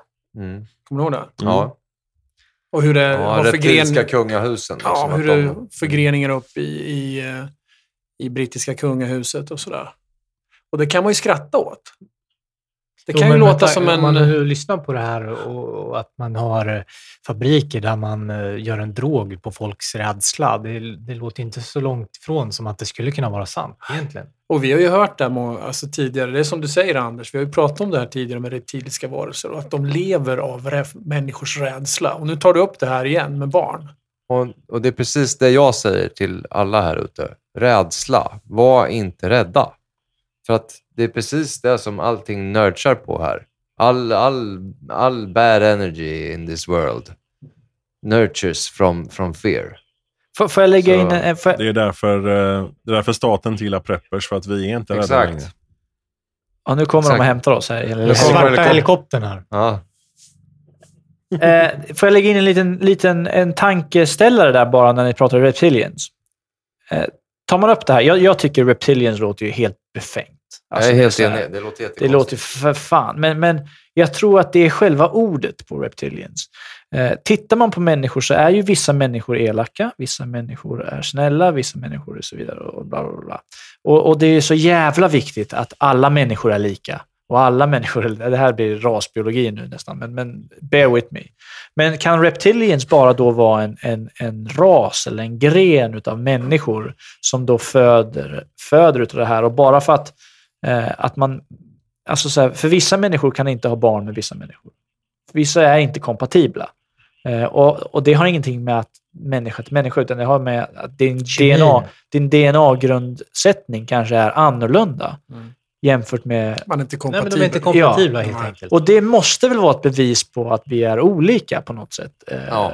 och, och då kanske reptilians, att det ordet slängs runt och så vidare och man, man kopplar det till att man ska vara en jävla geckoödla och springa runt och bara fan under huden. Liksom. Men att det kanske bara är en förgrening av människa som är eh, bad to the bone.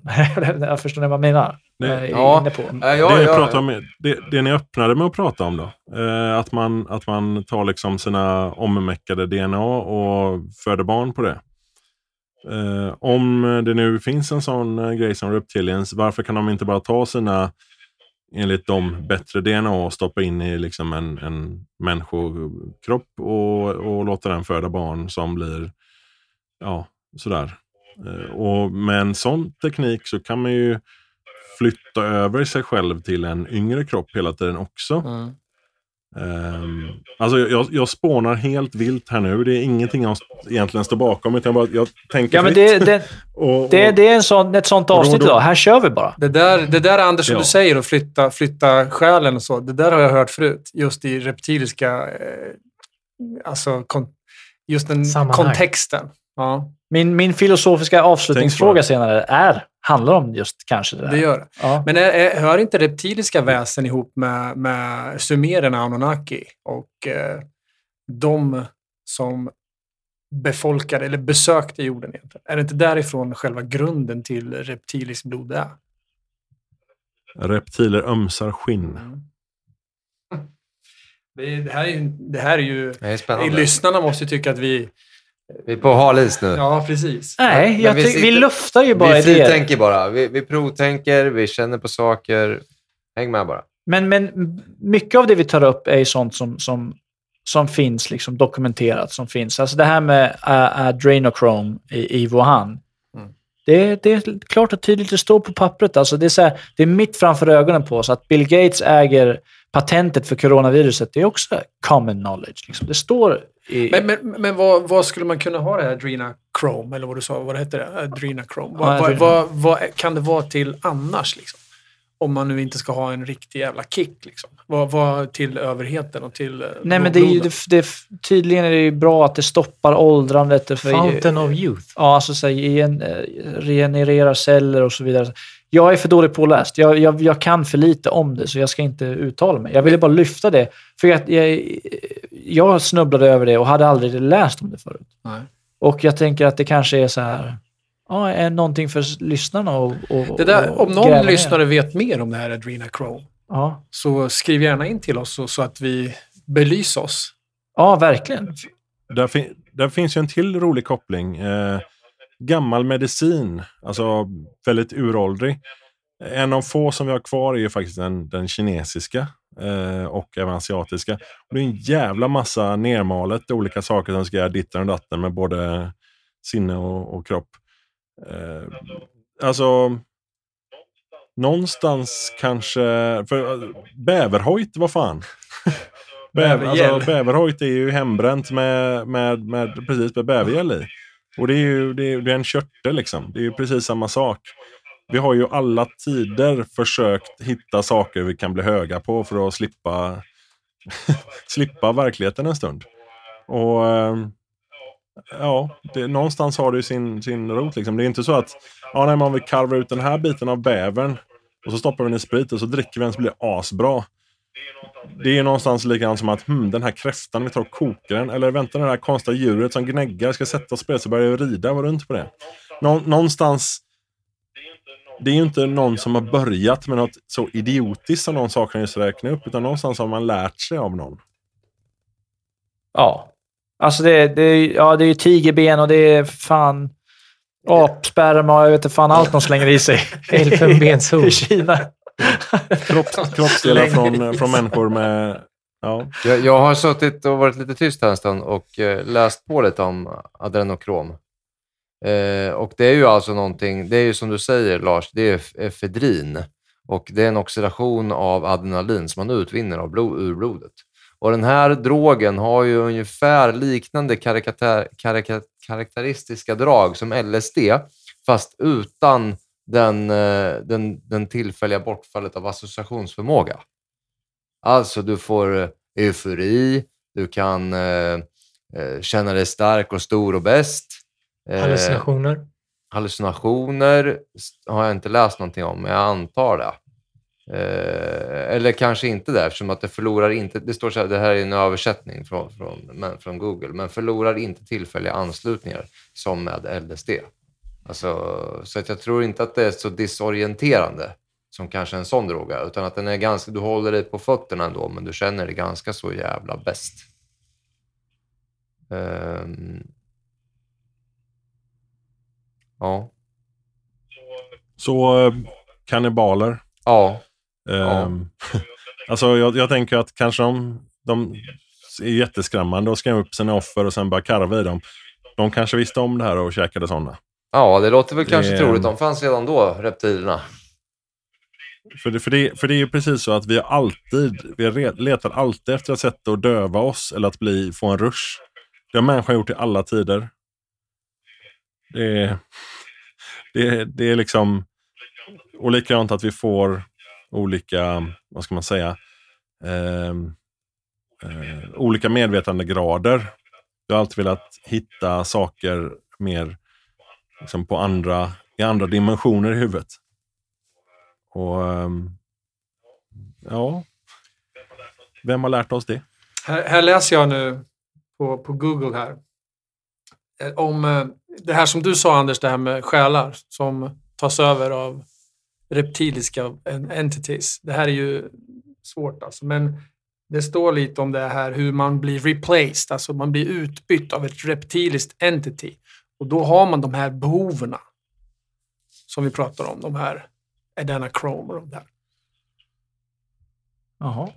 Ja. Och vissa kanske går fel för och så blir de eh, typ eh, John Wayne Gacy. Mm. Men, men det här med att man söker en high och så vidare.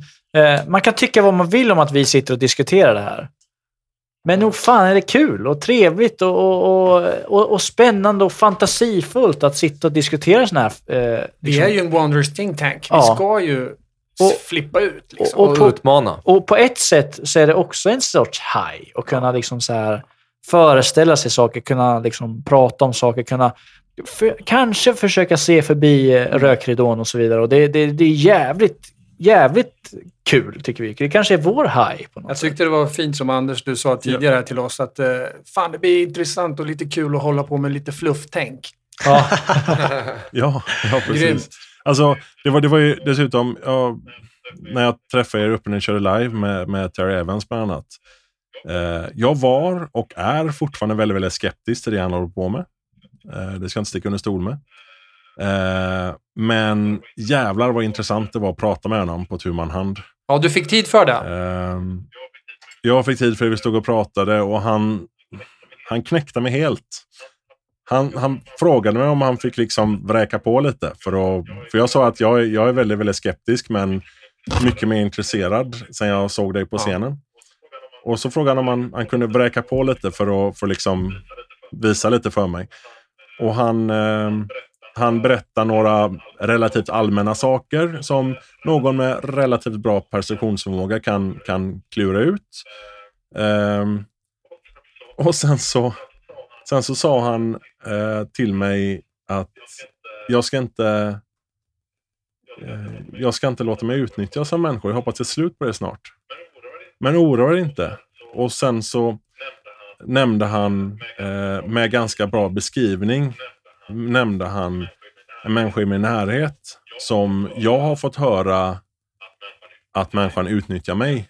Men jag är fullständigt medveten om att så inte är fallet. Ehm, eftersom det finns bakomliggande... Eh, vi har en väldigt bra relation. Ehm, och, och det var liksom sådär, bara vad fan. Och sen så avslutar han med att dra till med två saker i detalj som jag aldrig berättat för en levande själ. Nej. Tog han det, tog han det bara rakt av? där liksom. Jag, jag, jag, jag står där och känner bara tårarna komma. På så här, ja, ja. Han, han, han, alltså det var inget, inga tveksamheter, ingenting. Nej. Och så gjorde den här klassiska att han trycker till handen samtidigt. Han känner av då också. Ehm, ja, och, och det är liksom så här bara, vad fan.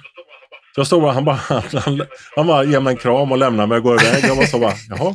Men det är det som är Så jag står bra. liksom på den jävla konstiga reggae-klubben som kommit igång och står där typ och känner tårarna. Ja, det var läskigt. Ja, ja, nej, men jag går väl och snackar med Lars då. Ja. och och det, det stör mig för att jag vill inte tro på det där. För att det är så mycket dravel i den branschen. Och det är så mycket allmängiltig skit liksom som kommer ut ur liksom sådana där grejer.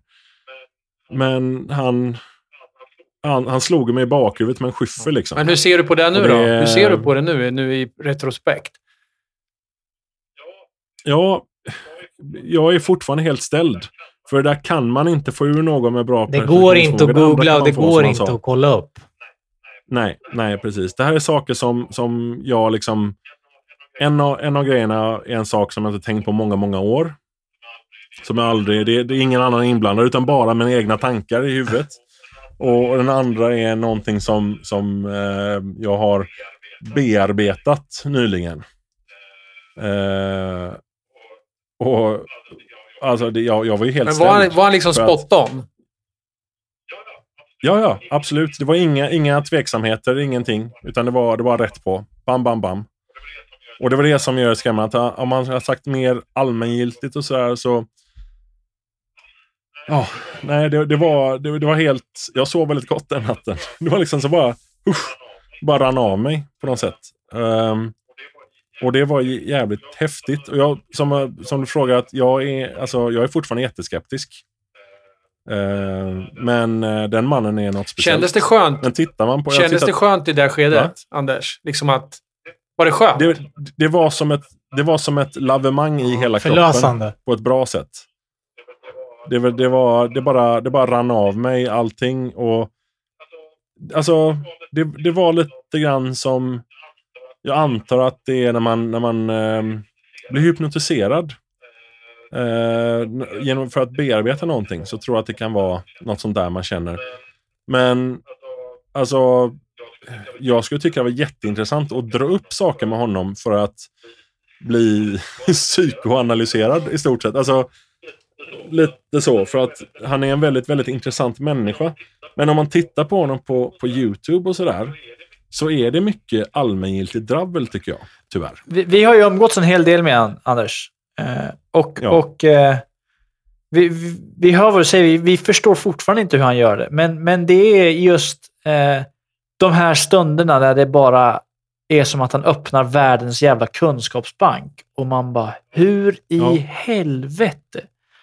Och, och alla minuter och allting innan där som, som går på lite autopilot. Eh, det, det var det. Men just de här stunderna, Precis. när han väl Han är ju en showman i, i, i, i mångt och mycket, men när han, alltså... Jag tror han gör det när han behöver det, för jag tror det är enormt uttömmande, från, alltså väldigt, väldigt påfrestande för honom att göra det. Eh, alltså Anders, jag, jag hör vad du vad- säger också. och, och jag, jag vet, han gjorde ju samma sak med mig och, och bara blåste skjortan av mig, öppnade upp mig och, och berättade exakt hur jag är och, och, säger saker som, som bara jag vet. Liksom. Och, det, Mm. det är ju precis som du säger. Det är ju väldigt förlösande. Och det, jag tror att det Ja. handlar om att man blir sedd. Och att man, Ja, man får ja, medhåll. precis. det är ungefär som att, att gå och bära på, på en, eh, en jobbig eh, personlig, eh, personligt attribut och sen så visar det sig, man tror att man är ensam om det, men, men det var någon mer här som hade det. Som bara berättade för en. Kanske till exempel. Och det, det är lite samma sätt. Man är inte själv längre. Man, man är inte ensam med det där. Med de där jobbiga tankarna eller det- med, med det här eh, som jag har gått och funderat på.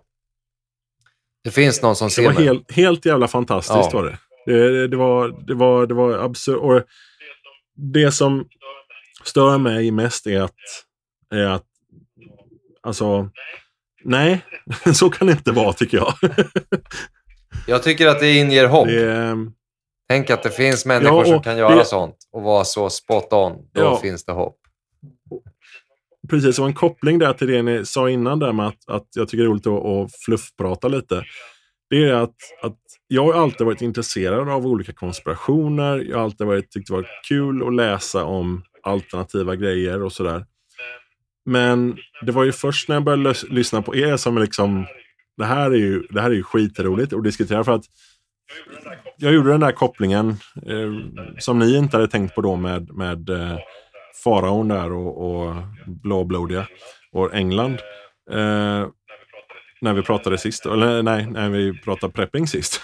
Konstig grej. Eh, och det har öppnat väldigt mycket för mig för att jag tycker det är kul att ta saker som jag innan har varit alltså nästan tyckt varit jätte, bara jättelöjligt. Att istället då komma upp till någonting som man kan faktiskt tänka på och diskutera och utan att känna sig själv som en jävla foliehatt. Eh. Det, det är liksom det som är lite tanken med, med podden också. Att vi ska, vi ska kunna diskutera allt. Vi ska lyfta upp. Ingen, ingen tanke är ju för tokig. Eller för Ingenting är ju vad det ser ut att vara. Nej. Allting är ju bara en illusion Ja. och där vi får veta via medier och allting, det är ju en selektiv nyhetsflöde. Det som verkligen händer, det får inte vi veta. Precis. Eh, jag skulle vilja komma med en liten uppmaning till era lyssnare som har lyssnat så här långt. Vi vet att de älskar ju långa avsnitt, lyssnarna. Eh, så det är att i komment- Facebook-kommentaren till det här så skriver ni vad som har öppnats upp för er genom att lyssna på den podden och hur ni har tänkt om olika saker. Det har varit jätteintressant att läsa. nu. Ja, jag håller med Anders. Det uppmanar vi er till. In och skriv. Va- Vad har, vi, vad har vi pillat på för knapp idag som har fått er att tänka på någonting helt nytt i en helt ny bana eller öppnat upp er på något sätt och tänka i nya banor som ni aldrig har gjort förut? Bra Anders! Tack för det. det, det ja, men gör så, lyssna. Skriv in för 17. Det vore jättespännande att höra. Jag tycker det vore spännande att höra vad, eh, hur du ser på det, Anders. Vad, vad är det du skulle vilja att man tog upp och stött och blötte? Eh, vad är det du eh, som, som observatör och lyssnare liksom skulle vilja ly- höra mer utav?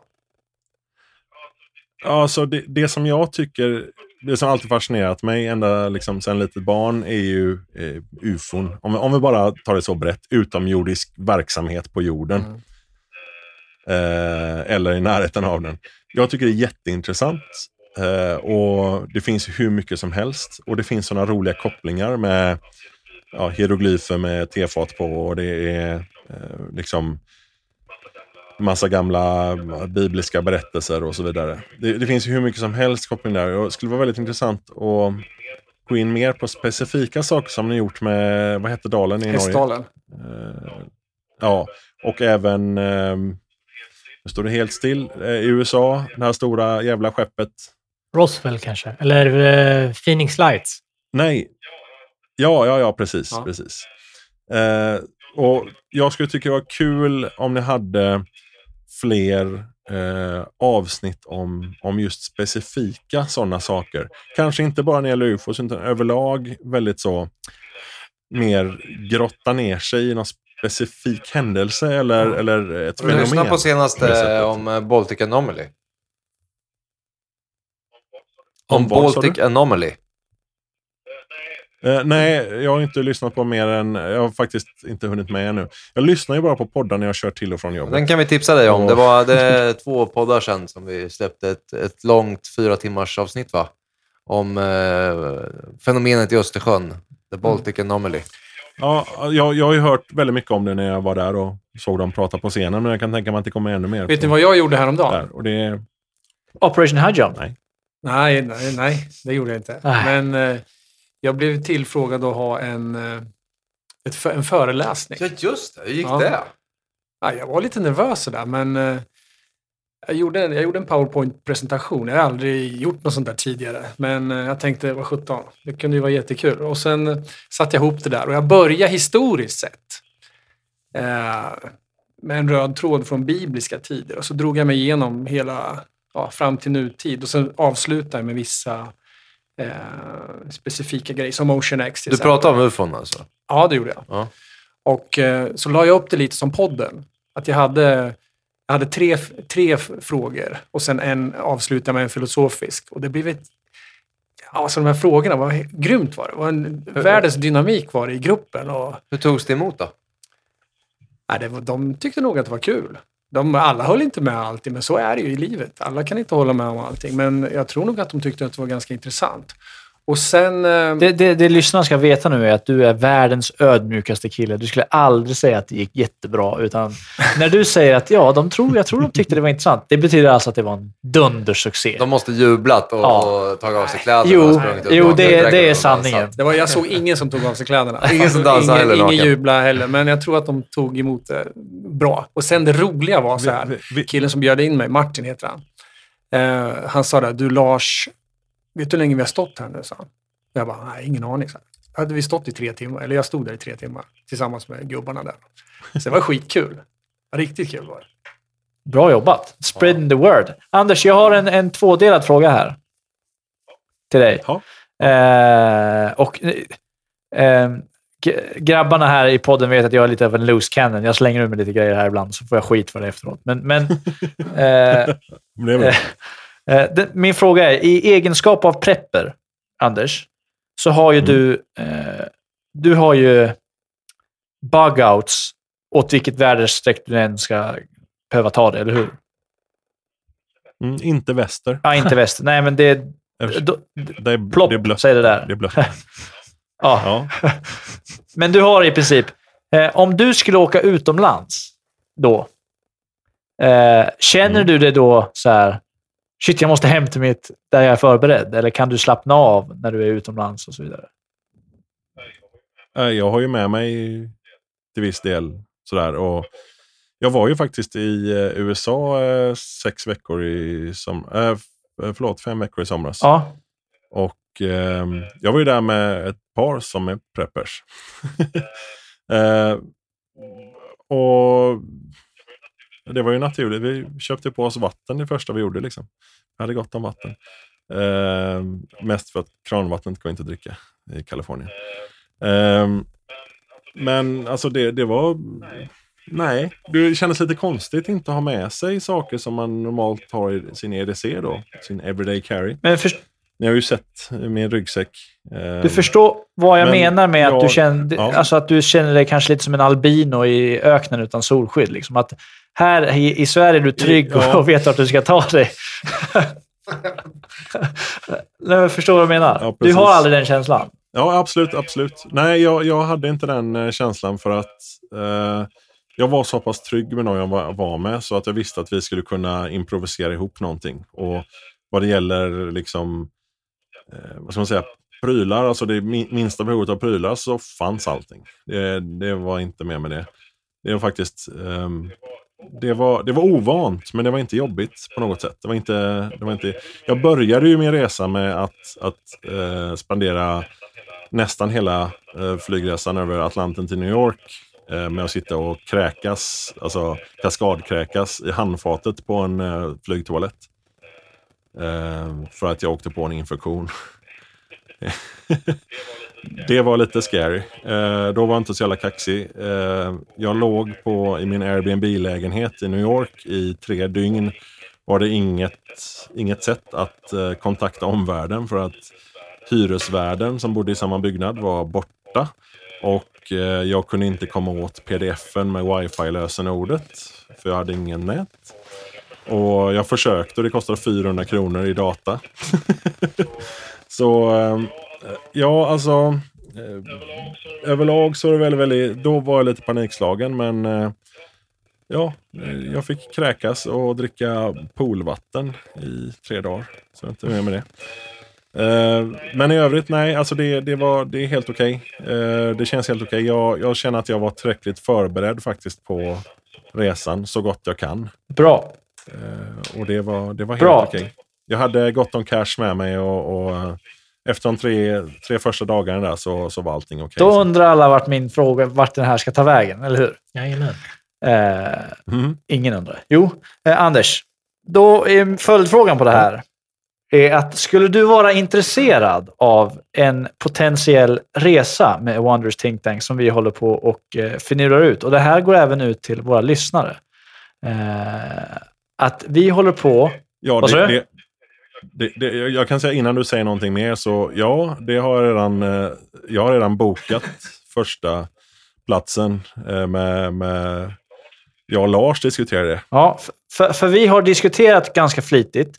Eh, inte tillräckligt flitigt ännu. Men vi tänker lägga ut den här eh, lilla metmasken, eller vad fan man säger, eh, till våra lyssnare också. Och eh, att när hela coronagrejen har lagt sig, som jag tror, och jag vill att delar av det här avsnittet också ska spegla att fan, ta det lugnt folk. Det, det, eh, låt inte rädslan ta över. När det har lagt sig så, så eh, kommer vi eh, titta på... Vi hade en, en... Eh, det finns lite olika alternativ, men vi hade en jävligt bra resa till Edinburgh. Eh, om man inte ska ta sig allt för långt. Eh, men det finns andra alternativ också. Men eh, en resa i eh, ufon, kanske spöken, kanske... Ja, något av det tecknet, men med, med ett gäng wanderers. Och eh, om det där intresset finns så återkoppla gärna på, på eh, våra diverse sociala medier. För vi... Eh, Finns det något intresse av det så kan vi styra ihop någonting eh, jävligt roligt tror jag. För vi hade, eh, du pratade om, om livepodden där vi hade jävligt trevligt med alla lyssnare som, som kom dit och, och träffades. Och, och, det här med att man söker highs och, och i livet, att eh, vara med likasinnade och, och, och ha såna här stunder. Även när vi sitter på länk och pratar med dig nu Anders, och, men vi, vi firar här. Det är jävligt Ja, roligt. det- Liksom. Så, Det var, det var, det var jättekul att, att träffa, liksom, många kom och snacka prepping med mig eh, efteråt där. I, när vi övergick till en reggae-klubb med sostanter och deras eh, pojkvänner. Eh, det är kontrasterna i livet som gör det, Det var- gör det färgfyllt. Ja, ja precis. Och, och framförallt så, en människa jag blev riktigt imponerad av, jag vet att han lyssnar nu. Det var han 18-åringen som gjorde lumpen uppe i Boden. Ja. Jajamän. Ja. Extremt positiv människa. Jag kommer fortfarande inte ihåg vad han hette, men vilket jävla intryck han gjorde på mig. Och så här, jag kände bara så här, fan går jag runt och klagar för? Varför är jag så jävla sur och cynisk gammal gubbfan? Eller jävla pojkvasken liksom, 18 år och bara älskar livet. Han var så jävla oförstörd Alltså, på något det- sätt. Vi, vi lärde honom ett och annat Ja, under precis. kvällens gång. ja, precis. Men, eh, det, och det var, det var ju flera andra också som jag pratade med som var, som var jättekul. Eh, Jag var uppe med, med bröderna Forsell där. Ehm, och, och bara att få umgås. Det var lite synd att det blev reggaeklubb och massa väsen där. Ehm, men, men det var en helt otrolig grej att få träffa alla de här härliga, härliga galna människorna. Och få träffa resten av er som jag inte hade träffat innan också. Det var ju jättekul. Ja, det var så jävla kul. Jag Det stod en- ju i kassan där och tog emot alla. Och jag, världens Ja. skönaste... Kom, alltså, det var så skönt att stå där och prata med alla. Vad fantastiskt var det. Ja, vilken jävla blandning av människor och åldrar och, och liksom bakgrunder. Och Ja, det var också. grymt kul faktiskt. Eh, Man kan ju lugnt säga att foliehatten Så- så en kommer i olika en- storlekar. ja, ja, absolut. En, en resa med, med sådana människor låter ju helt fantastiskt kul faktiskt. Ja. Ja, du fan det tog sig det här avsnittet. Det började lite segt, men fan vad vi spårar ut. Ja, jag tänkte, tänkte avrunda hela det här med en filosofisk fråga som knyter an till lite vid det vi pratade om innan. Mm. Och alla bara suckar och tittar på mig. Det kan vi inte runda av. Men Nej. nej, fan, nu jävlar. eh, om teknologin finns inom några år. Här kommer den filosofiska frågan. Tung filosofisk fråga. Och man kan transplantera en hjärna från din kropp till hans kropp. När den patienten vaknar, vem är det som vaknar då? Ja, den, den är jättejobbig att svara på. Men, men Ehm, ja, Anders verkar vara först på bollen. Kör. ja, jag tänker ju på Altered, Altered Carbon, eh, tv-serien. Och det är väl lite det där. Men eh, alltså, eh, hur... eh, Det beror lite på hur eh, man har kommit över kroppen på den andra. Har man köpt den? Är det mot dess vilja? Eller liksom, är det så att den här kroppen bara är? Eller är En det klon? en eh, sån En klon, precis. En upp, eh, alltså, Nej, men vi, ah, Kan vi bortse från det moraliska eh, från den andra personen så är det ju uppenbarligen jag. För att själen och hjärnan, eller vad man ska ka- kalla det, hela jaget är ju i hjärnan. Är, du, är du verkligen säker på det, Anders? Hjärtat då? Det är jag inte säker på, men jag, jag, antar, jag antar att om man transplanterar hjärnan så, så tror jag att man Men- får ta med rätt mycket av nervsystemet också för att det ska Men du funka. pratade ju om Och- em- emotionell intelligens förut. EQ. Ja. Ja.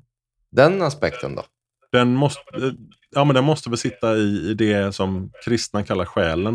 Det vill säga ens eh, moraliska och etiska eh, centrum för eh, tyckande. Vi, Eh, vi, via transplantationer så Eh. följer ju känslor med. Och, även eh, minnen. Du ja, kan få förnimmelser och så. Ja. här. Så, så tror jag mycket väl att det skulle kunna bli. Att man, att man, liksom bara, att man känner någonting som man inte har känt förut eller eh, kan minnas någonting som man inte har upplevt. Så det, det, det, egentligen Ja, så... vi, har, vi har ju muskelminne, liksom. Då måste det vara nervminne nästan. Men, men jämför med att du kapar av dig armar och ben. Du är fortfarande 100% du. Du är inte... Nej, det är man ju inte. Det saknas visserligen fysiska delar, men... men inte 100%. Men, Det, det är ju rätt många är procent som försvinner. Så det i 100% är matten det. egentligen? Ja. Du ser mycket roligare ut, men du är fortfarande du. Jag, får, jag, jag tänker på Monty Python. Shall we call Ja. it a draw? Vad vägrar du göra? Just a flesh wound! Nej, men alltså egentligen för att, för eh, att förlänga frågan lite grann så kanske man ska transplantera hjärnan och hjärtat. Nej, men eh, vi leker med tanken nu. För att få Att över vi- en person. Att, att, att det är, vi, Lars, vi tar din hjärna Mm. och så byter vi den med eh, Mr eh, Shotgun här framför mig. Ny- Nytt jävla fräscht vapen du hade med idag. Sjukt coolt. Eh, och sen så byter vi bara hjärna. Alltså när ögon, hjärta, allting är bara, men hjärnan är det enda vi byter. Från hjärnbalken och så vidare. Och så, så, liksom. Inte nervsystemet. Nej, men nej, Så men du menar att hela det, ryggraden, den byter man inte? Nej. Ja, nej, okej. Ja, Vem- då tror jag då blir det bara hux flux. Då tror jag det, blir bara, det måste bara bli helt blandat mellan de här två. För vi är inte, alltså, det här Ja, låter befängd den här frågan, men vi är inte jättelångt ifrån att, att klara det rent vad vi vet. Det kanske redan går, liksom. vi, vi har ingen aning. Men att flytta hjärnan. Men då är ju den, den Jag- filosofiska delen i den här frågan kommer ju då, vart sitter själen? Vart sitter medvetandet? Jag tror Johan skulle bli mig med vissa influenser från mitt tidigare liv. Johan skulle bli dig Mm. med kattallergi. Ja, det ska jag. Men vad, vad, händer, vad händer om man tar Lars hjärna och allting som eventuellt har minne och så stoppar man det i Sean Banans kropp? Då skulle Sean Ja, Banan bli alltså- snäll helt plötsligt. Ödmjuk. Ödmjuk.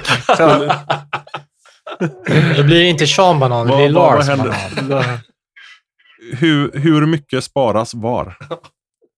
Nej, men alltså om ni skulle bara säga, vad tror ni? Det vi går till den filosofiska delen. Sitter medvetandet, själen i hjärnan? Nej, jag tror inte det. Jag tror inte att själen sitter i hjärnan. Jag tror att hjärnan är en dator som vi kan använda oss av för Ett att chip. göra diverse kalkyleringar och styra vår kropp som vi besitter. Liksom. Alltså, det, det finns ju bevisat att, att det här 21 gram, när vi dör, så, så lättar kroppen i vikt 21 gram. Och det vore ju jävligt konstigt om det var, hade med hjärnan att göra, tänker jag. Men, men återigen då, om man kapar av armar och ben så försvinner ju ganska ansenlig mängd av ens kropp. Men försvinner en del av ens själ då? Är det därför folk blir så jävla bittra när de blir Det kan, kan vara så. Eller vad? Stämmer. Kan vara så. Nej, men, men Eller vad, alltså, jag, jag, jag kan ju tänka mig att, att hjärnan och nervsystemet, alltså hela den jävla eh, trasselsudden. o, vi pratar ormen och vi pratar när vi var rept- reptiler egentligen. Hela ryggraden ner till svanskotan. Ja, precis, Ja. precis. För att, för att rätt mycket av kroppen är bara mekanisk. Det finns ju liksom ingenting där.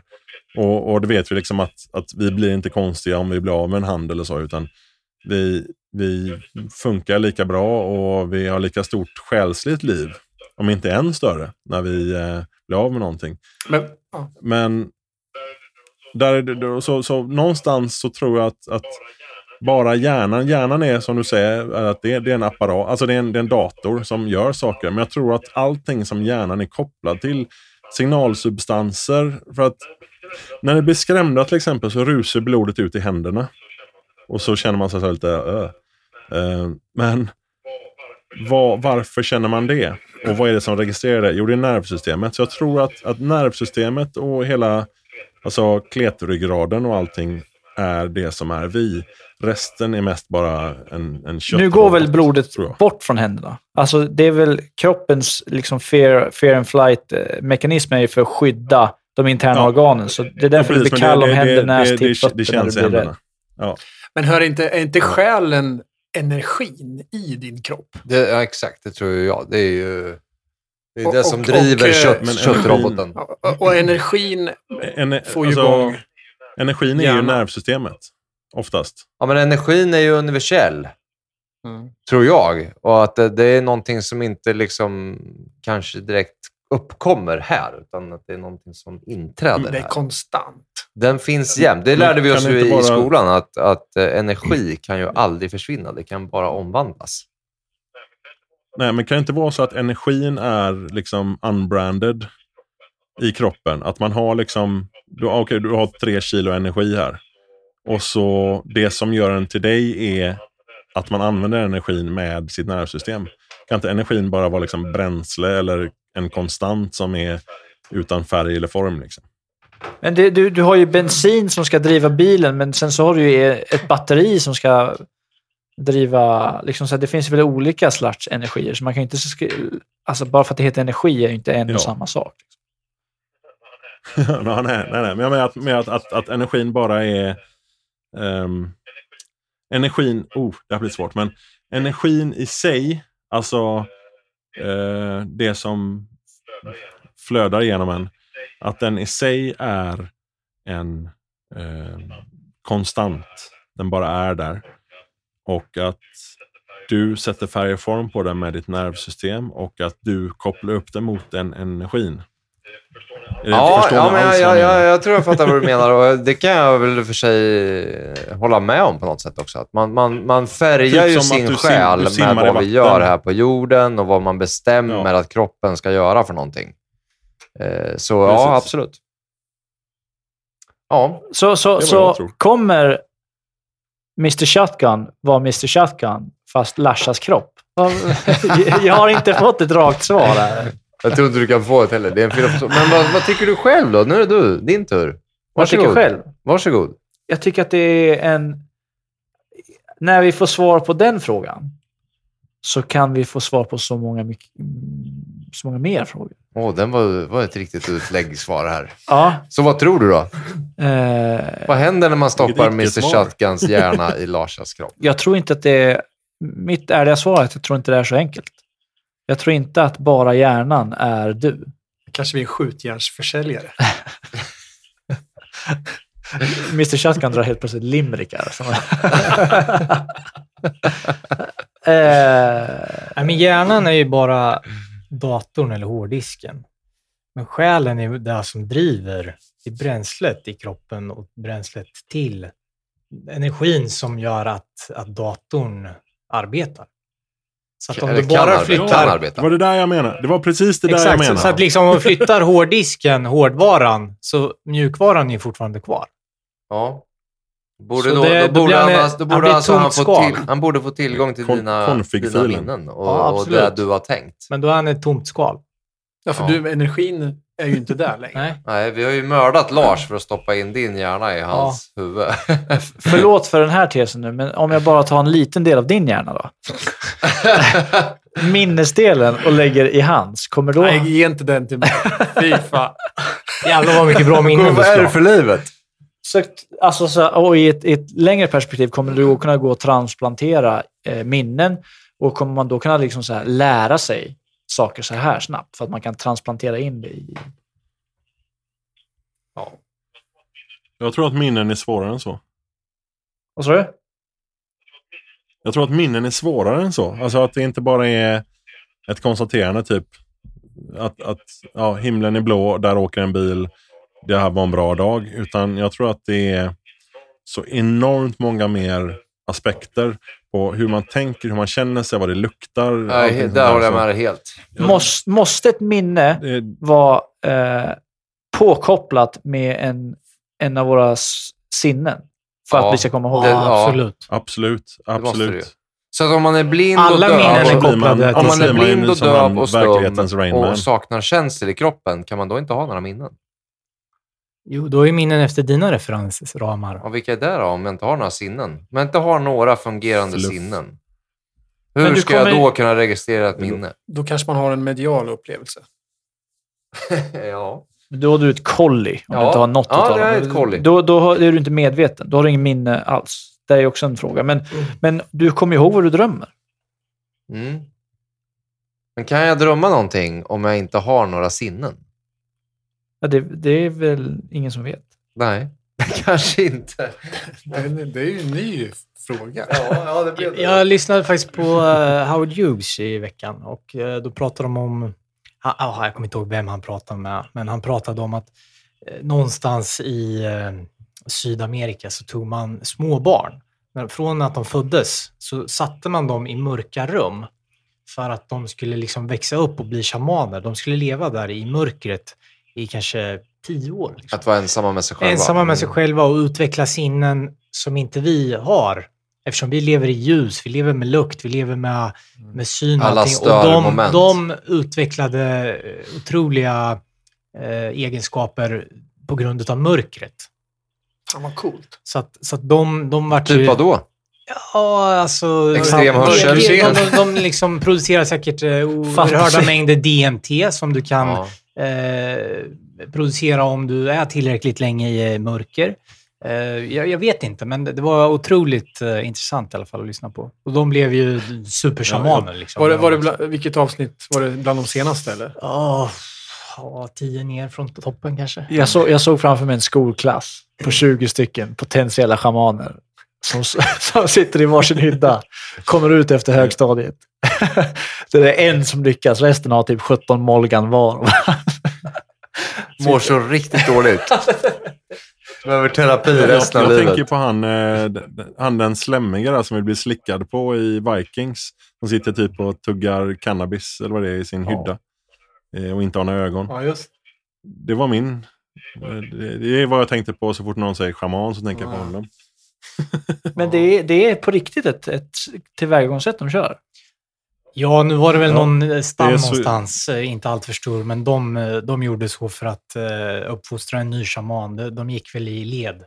Så att när den, Ha- Hade de någonting med, med överföring av själar också? Från gamla shamaner?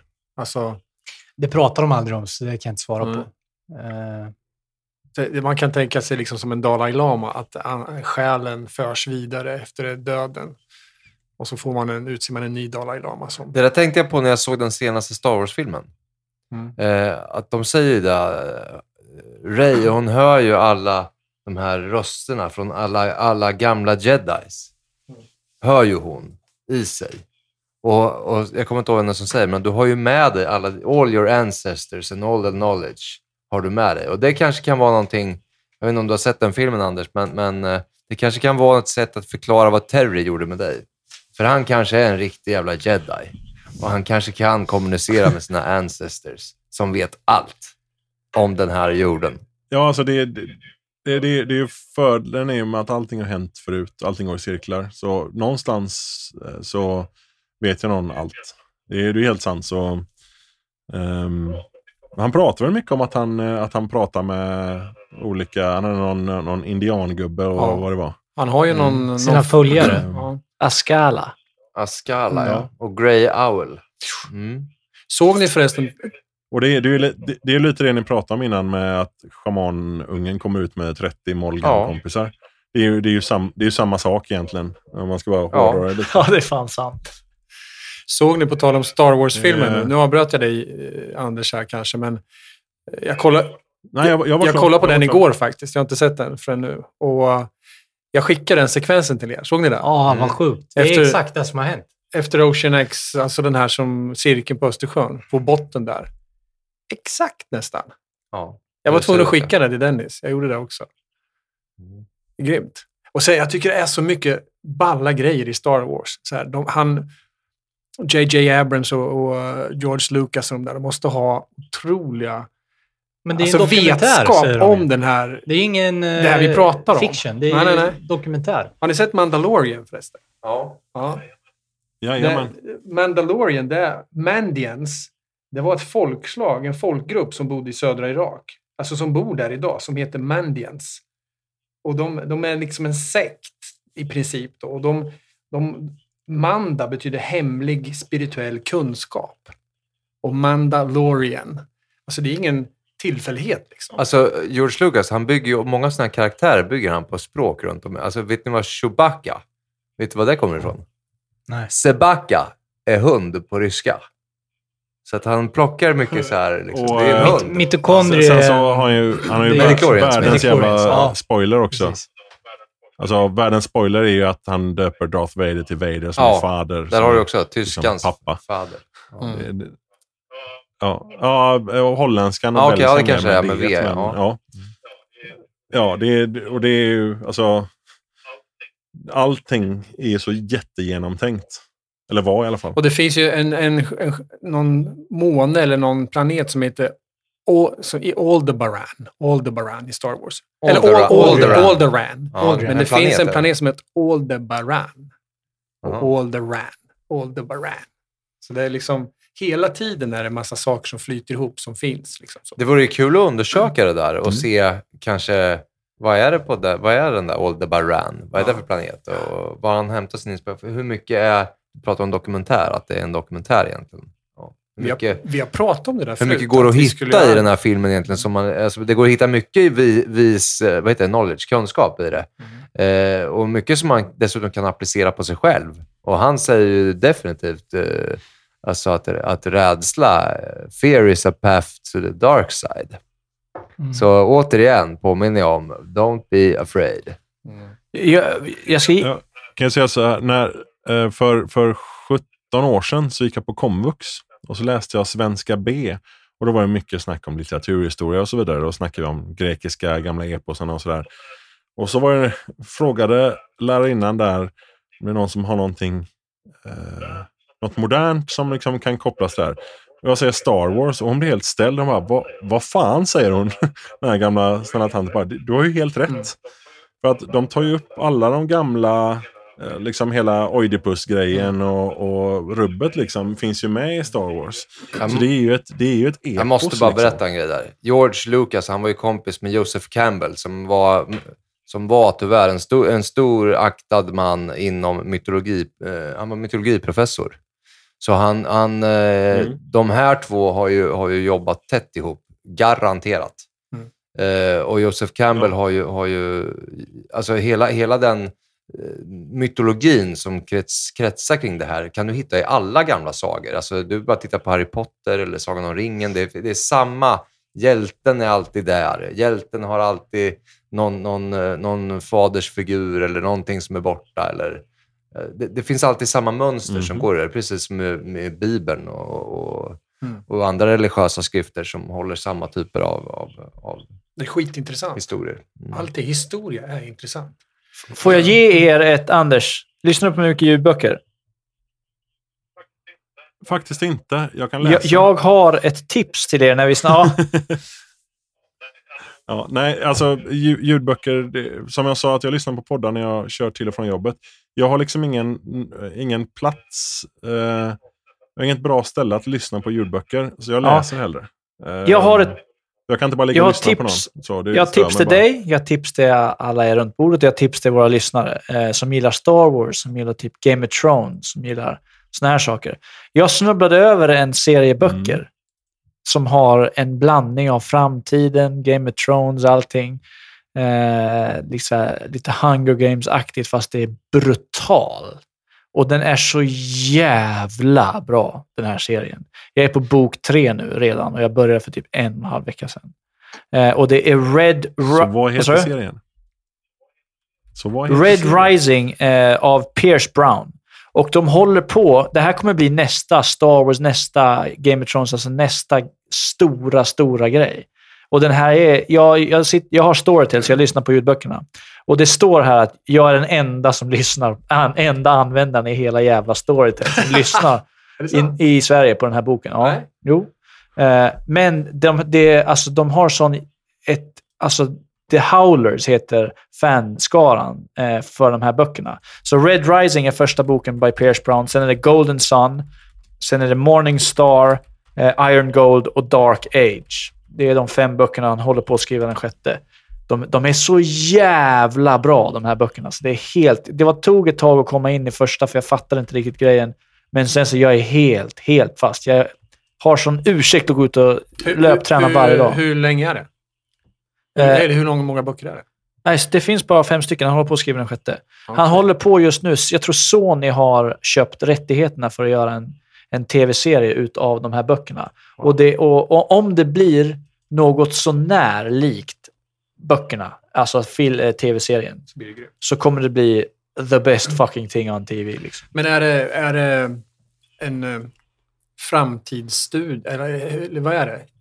Vart utspelar det sig? Vilken... Jag vill inte Tidsålder. avslöja för mycket. Eh, men det börjar med att alltså, människorna är, är genetiskt manipulerade och födda och segregerade i olika färgkoder. Eh, och du får följa en av de absolut lägst rankade, eh, en som heter Darrow, heter han. Och han, han är red. Och de gräver... Det, det här har jag läst. Det finns på svenska den här boken. Ja. Har du läst den? Jag har läst, eller lyssnat på den. Jag. Fan, då kan ju Anders läsa det. Det är grymt. Ja, och den här, det börjar med att de är i Mars och de gräver i gruvor på Mars efter eh, metangas eller någon gas för att göra en terraforming av, av planeten. Han blir väl, eh, ja, utan att spoila, men den gyllene va? Eller? Är inte det?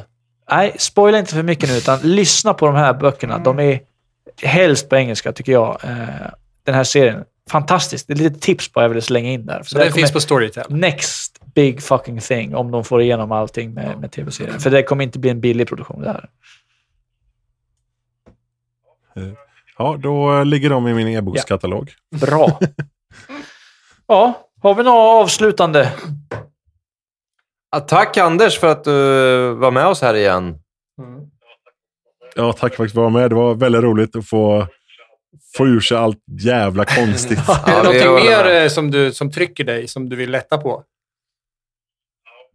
Ja, jag tycker att folk ska sluta hamstra och börja tänka och preppa istället. Tänka smart. Ehm, läs på, ja precis, läs svenskprepper.se, läs urvaken.com.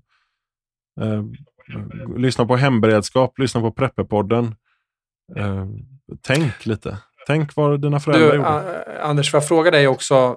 Eh, jag vet ju att ni skulle, ni planerade att ha en, en sån här, ett live-event också i skogen i, vart var det någonstans? Fil, Ja, vi hade, Har ni haft den en. nu redan? Vi hade den i, eh, vi, vi hade den Kristi himmelfärd Ja. förra året. Eh, och vi planerar faktiskt fortfarande Kristi himmelfärd i år med. berätta om den. Eh, vi, ja, det heter Skogsliv 20. Eh, och ja, vi, vi träffas. Just nu, det är lite osäkert på hur, hur det blir. Men vi håller på och förhandlar med, med eh, lägergården där och se hur länge vi kan liksom dröja med att tacka nej. För vi vill verkligen träffas. Och grejen är att är man utomhus och inte så tajt med folk så är det ganska så säkert. Och som sagt, jag tror att mycket av, mycket av coronasmittan i Sverige kommer, kommer ha gått klart då. Eftersom ja, vi har den här flockimmunitetsgrejen. Eh, så vi kommer träffas. Eh, vi kommer eh, erbjuda er att ni, ni får föreläsningar, ni får olika gruppaktiviteter. Vi kommer ha första hjälpen, hjärt-lungräddning, vi kommer ha grunderna i prepping, vi kommer ha vad fan är en EDC. Vi kommer ha väldigt mycket. Vi kommer ha jättekul, laga massa god mat tillsammans och ja, njuta av naturen. Och vi kommer vara uppe i Värmland, i närheten av Säffle tror jag. Ehm, gå in på Skogsliv eh, på Twitter, Skogsliv på eh, Facebook. Det låter grymt tycker jag. Jag ho- hoppas verkligen att eh, corona Ja, det- inte ställer till några problem för er. Nej, och jag, jag blir väldigt besviken om inte samtliga ni med familjer är där. Vi har faktiskt diskuterat det. Vi är jävligt sugna på att komma. Ja. Mycket. Ja, det, det går ju alldeles utmärkt att, att parkera sig i ett tält en bit bort. Och eh, bara umgås med folk på två meters avstånd utomhus. Det går alldeles utmärkt. Vi kommer efter väder och vi kommer försöka ha så mycket utomhus som möjligt just på grund av, av både corona och andra influensor och sådär. Men eh, ja, förra året fick till exempel hade vi Blekslätten gård där som var där med en tupp och en höna som eh, inför många intresserade människor slaktades. Och eh, sen kokade vi middag på det och så fick vi äta den. En stund Okej. senare. Eh, vi eh, hade även eh, Alva, vår ungdomsledare. Eh, hon drog med alla barnen ut i, kniv, ut i skogen med en kniv. Fick de lära sig att använda en kniv vettigt. Det var många föräldrar som stod som fågelholkar därefter. Bara, Men, men mitt barn har använt en kniv.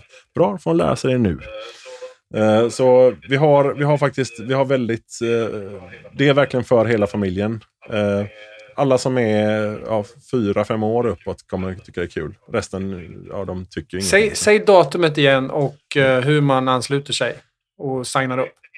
Kristi himmelfärdshelgen, alltså torsdag till söndag. Eh, 21 till 24 maj tror jag det eh, Ni går in på Facebook, letar upp eventet Skogsliv 20.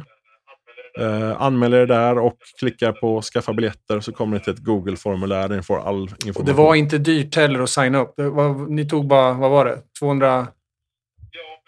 Ja, precis. Vi tar, alltså det är ju självkostnadspriser. Vi tar betalt för att vi hyr lägergården.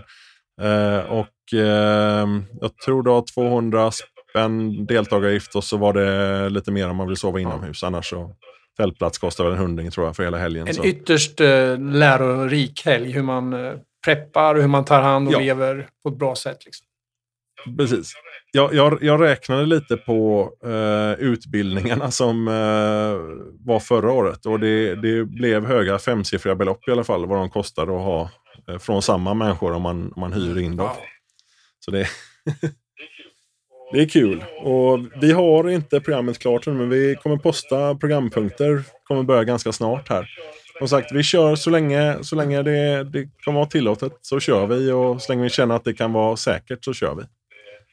Det, och skulle det vara så att vi avblåser det hela så kommer vi givetvis betala tillbaka alla, eh, alla pengar. Det här är en grej som ligger verkligen i tiden också. Som jag tror att intresset kommer öka eh, efter mer och mer bara.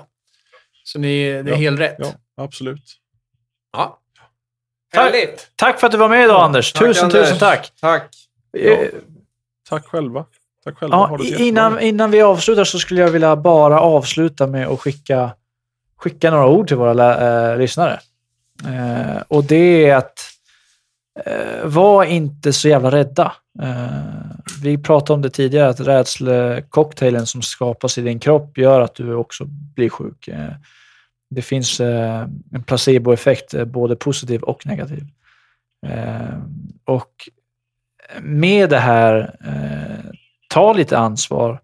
Eh, se till att du inte förlitar dig på andra hela tiden, utan eh, var förberedd om någonting skulle hända. Det kan till och med vara att det inte behöver vara en världsepidemi, utan det kan vara så att du inte kan ta dig ut ur ditt hem eh, på grund av någon anledning under eh, en tid. Och eh, se till att du har eh, saker för dina nära och kära. Sen så i de här tiderna med, med corona så eh, är man lyckligt lottad nog att ha eh, en, två, tre generationer eh, äldre människor i, i sitt liv.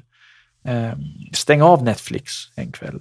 Ta lite tid med dem och, och eh, hitta nyckeln som låser upp deras skatt av, av liv och berättelser och fan umgås med, med nära och kära och, och, och eh, det finns så mycket stories och så mycket berättelser att lyssna på och uppleva och Så höra. mycket kunskap. Ja, eh, och eh, gör det här till någonting positivt, för det, det kommer det bli i slutändan. Och, och om man vet någonting om oss, det känns som ett brandtal där, det är inte det som är meningen, men om man vet någonting om oss människor och human race så är vi ju jävligt resilient och vi studsar tillbaka efter motgångar. Så om vi tycker att det här är en liten motgång så kommer vi komma tillbaka starkare. Och, eh, jag vill bara passa från mig personligen här eh, på att säga att eh, fan, det kommer bli bra igen. Det, det,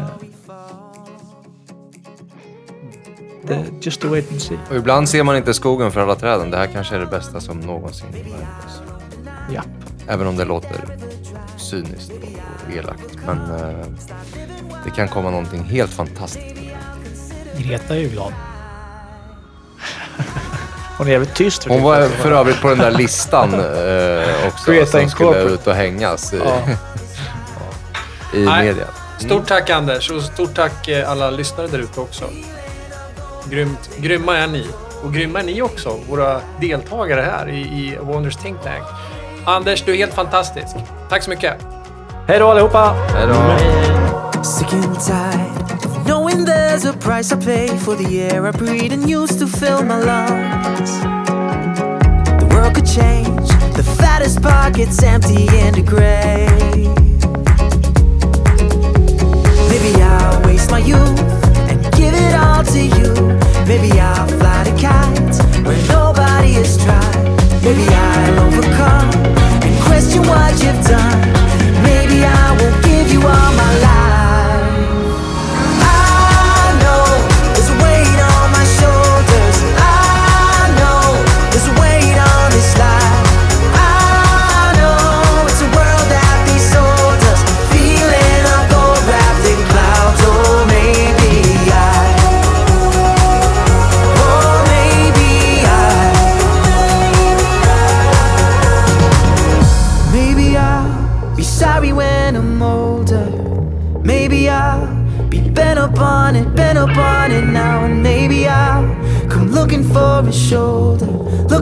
for a shoulder to cry on. Maybe I'll tell you what I'm feeling. Maybe I will sugarcoat it, sugarcoat it now. And maybe I will burn a house that's stealing, burn a house that's stealing down. Or maybe I.